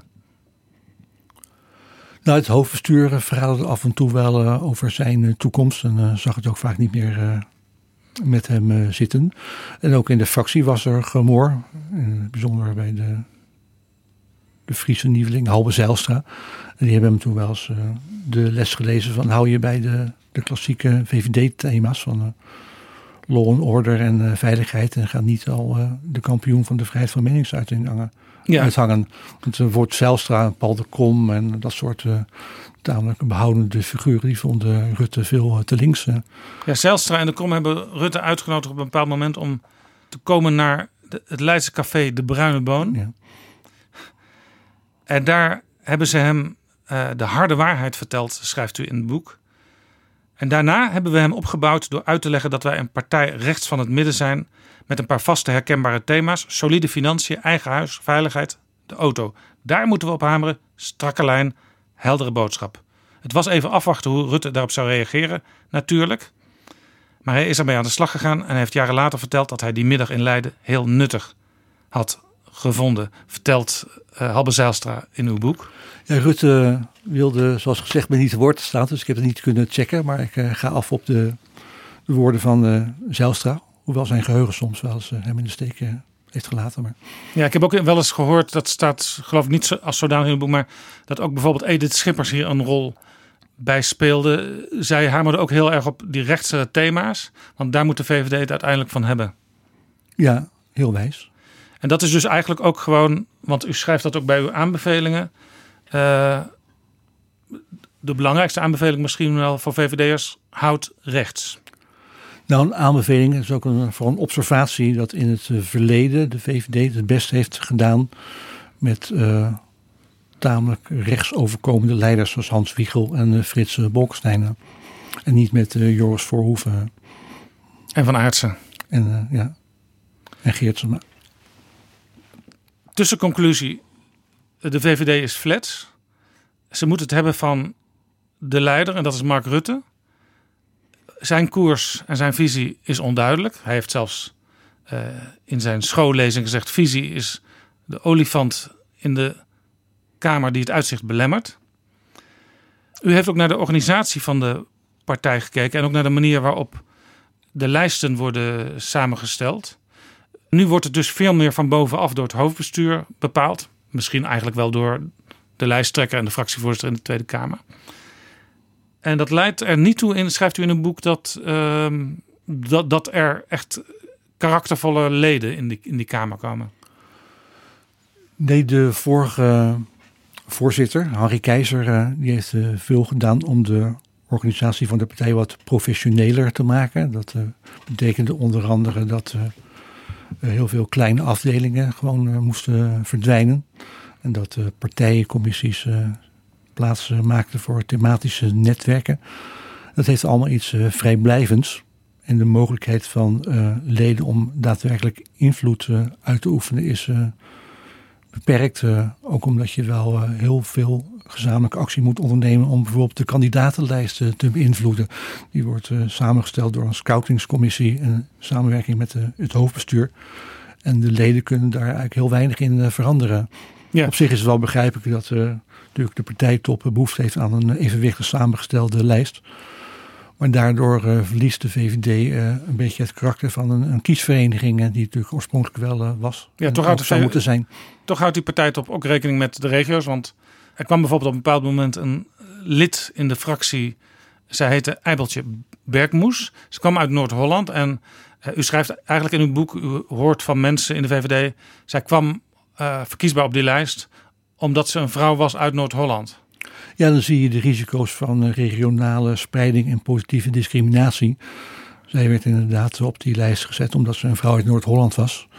En eh, ja, zij heeft jarenlang eh, niks uitgevoerd. Ook omdat al snel bleek dat ze eigenlijk helemaal niks kon. eh, behalve later een heel filijn boek schrijven waar ze haar vroegere collega's een mes in de rug stak. Ja, en de aanleiding voor dat boek was eigenlijk ehm, iets wat een jaar eerder gebeurde, waar ik zelf nog een rol in heb gespeeld. Ik, had, ik werkte voor BNR Nieuwsradio, daar was ik verslaggever. Er was eh, een middag niet zoveel te doen.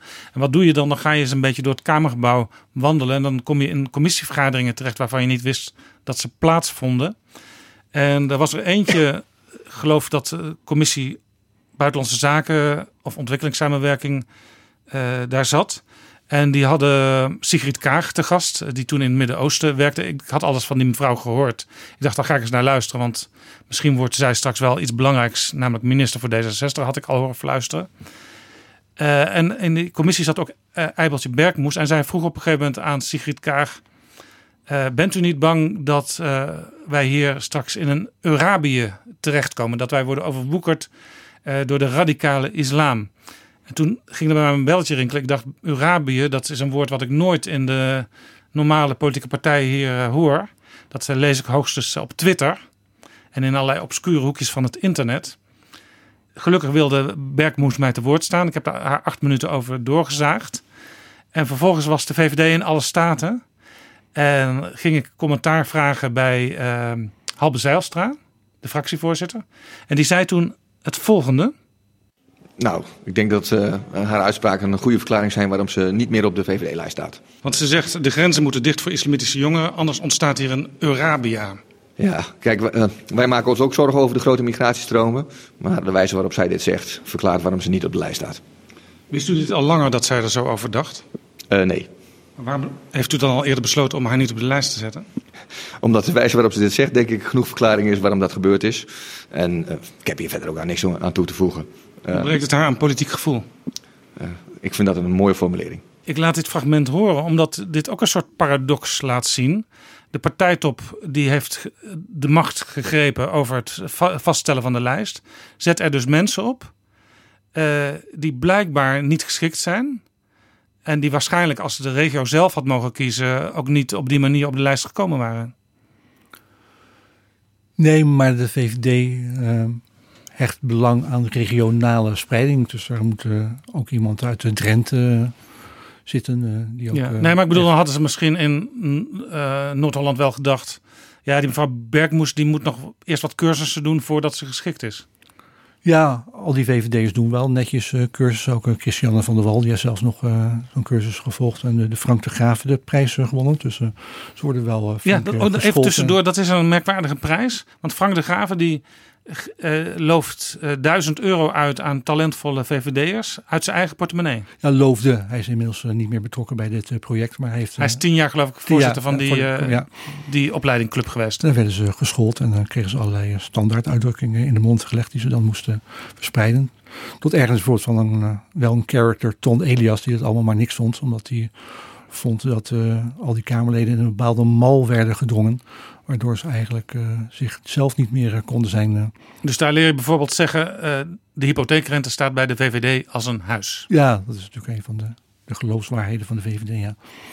Maar goed, ik vind dus eigenlijk het rare, de- partijtop heeft grote invloed op het samenstellen van die lijst. Maar pas als iemand in de Kamer zit, dan blijkt blijkbaar dat die persoon er niet geschikt voor is. Nee, maar dat vertelde Zijlstra mij ook. op een gegeven moment kwamen natuurlijk veel meer Kamerleden van de VVD dan ze hadden verwacht. En uh, bij die mensen in de onderste regionen was de selectie ook wat minder uh, zorgvuldig. Uh, en Berk moesten zij zelfs trouwens jarenlang de beste betaalde werklozen van Nederland. Een soort Alice in Wonderland. Ja, want in haar boek vertelt ze dat ze vooral Netflix zat te kijken op haar ja. werkkamer. En, en af en toe ging stemmen, maar dat dat haar voornaamste taak was. Want in haar boek is ze zelfs een beetje de, de bad guy. maar je begrijpt toch wel dat hij eigenlijk geen kant op kon met haar. Die VVD, als je het boek leest, is een heel interessante partij. Met best wel wat interne tegenstellingen. En ook wel wat raadsels die ook in het boek niet helemaal opgelost worden. Zoals uh, die fletsheid en die onduidelijke koers onder Rutte. Maar toch steeds weer uit de stembus komen als grootste partij. Maar ik lees wel in uw boek dat VVD'ers rekening houden met de val die er onvermijdelijk aankomt. Want VVD'ers krijgen nu al het advies intern om het CDA-rapport verder naar de klap te lezen. En dat is het rapport wat is geschreven toen Balkenende plotseling fors de verkiezingen verloor. Waarna Rutte premier werd. En dat is alweer negen jaar geleden. Maar de, wat er in dat rapport staat, dat is blijkbaar ook geldig voor bepaalde ontwikkelingen die u nu in de VVD ziet. Nou, die problemen waar die CDA-commissie toen op wees, dus een gebrek aan interne tegenspraak en het uh, steeds maar volgen van het uh, kabinet. Waarin uh, de eigen partij de grootste partij is. die problemen zijn nu natuurlijk ook duidelijk te signaleren in de VVD. Dat ziet iedereen. en later als er zo'n commissie komt die een eventuele neergang bij de volgende verkiezingen van de VVD zal analyseren, zal ongetwijfeld met dezelfde mankementen aankomen. Ja, het is ook bijna misschien uh, onvermijdelijk dat zo'n proces uh, zich voltrekt. Dat ja, al, alle partijen hebben natuurlijk op een gegeven moment te maken met een, uh, een terugval. Ja. En, ik wil trouwens wel even zeggen, kijk, u bent een journalist en u legt natuurlijk de nadruk op de wat kritische passages in mijn boek, uiteraard. maar ook uit mijn boek komt wel naar voren dat het gewoon over het geheel genomen hardwerkende mensen zijn die zich uh, inzetten voor de publieke zaak als ik zelf uh, voor de televisie zit. Die zich laten inspireren door uh, de liberale traditie en dus heel waardevol werk doen. Het is niet een vernietigend boek over de, de VVD en zo is het ook zeker niet bedoeld. Nee, maar u ziet wel een aantal zwakheden die uiteindelijk zo'n partij in ieder geval voor enige tijd de das om kunnen doen. Ja, maar dat zie ik bijvoorbeeld Klaas Dijkhoff uh, ook. En die probeert het ook wel te, te voorkomen. Ook door zo'n discussieronde te organiseren. Maar uh, de vraag is of dat veel helpt. Uh. Even misschien tot slot. De volgende verkiezingen op het Binnenhof. Als ik mensen spreek, eigenlijk van welke partij dan ook. Dan houden ze er toch wel rekening mee dat de VVD opnieuw onder leiding van Mark Rutte de verkiezingen ingaat. En vervolgens ook weer de grootste partij wordt. U heeft geen glazen bol, zei de vraag is, ja. Ja, ik durf daar echt uh, niks over te zeggen. Uh, misschien wat teleurstellende slotopmerkingen. Uh, maar eh, ook omdat ik net opmerkte dat mijn voorspellingen uit het verleden zelden uitkwamen. Ik weet nog dat ik in een column tien jaar geleden schreef dat Mark Rutte het best op zijn plek is als een burgemeester van een middelgrote gemeente. En nou, ik had duidelijk ongelijk. Dan laten we het hierbij. Geer van der List, hartelijk dank voor dit gesprek. En het boek Liberale lessen, macht en onmacht van de VVD ligt in de winkel. Het is uitgegeven bij Prometheus. Lees het boek.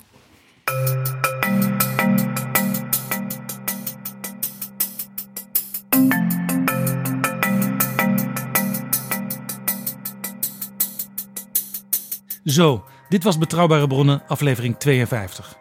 Komende vrijdag 11 oktober houdt de SER, de Sociaal-Economische Raad, een open huis. Dat begint smiddags om half twee met discussies en workshops. Je kunt er bijvoorbeeld leren verbindend onderhandelen. Ed Nijpels vertelt over de totstandkoming van het klimaatakkoord. En het SER Jongerenplatform vertelt hoe jongeren meer invloed kunnen krijgen. PG en ik zijn er ook en nemen er een aantal gesprekken op waar jij bij kunt zijn. Je kunt je aanmelden via ser.nl/slash openhuis. Dat is vrijdag 11 oktober bij de SER. Misschien tot dan. In elk geval, tot volgende keer. Betrouwbare bronnen wordt gemaakt door Jaap Jansen in samenwerking met dag en nacht.nl.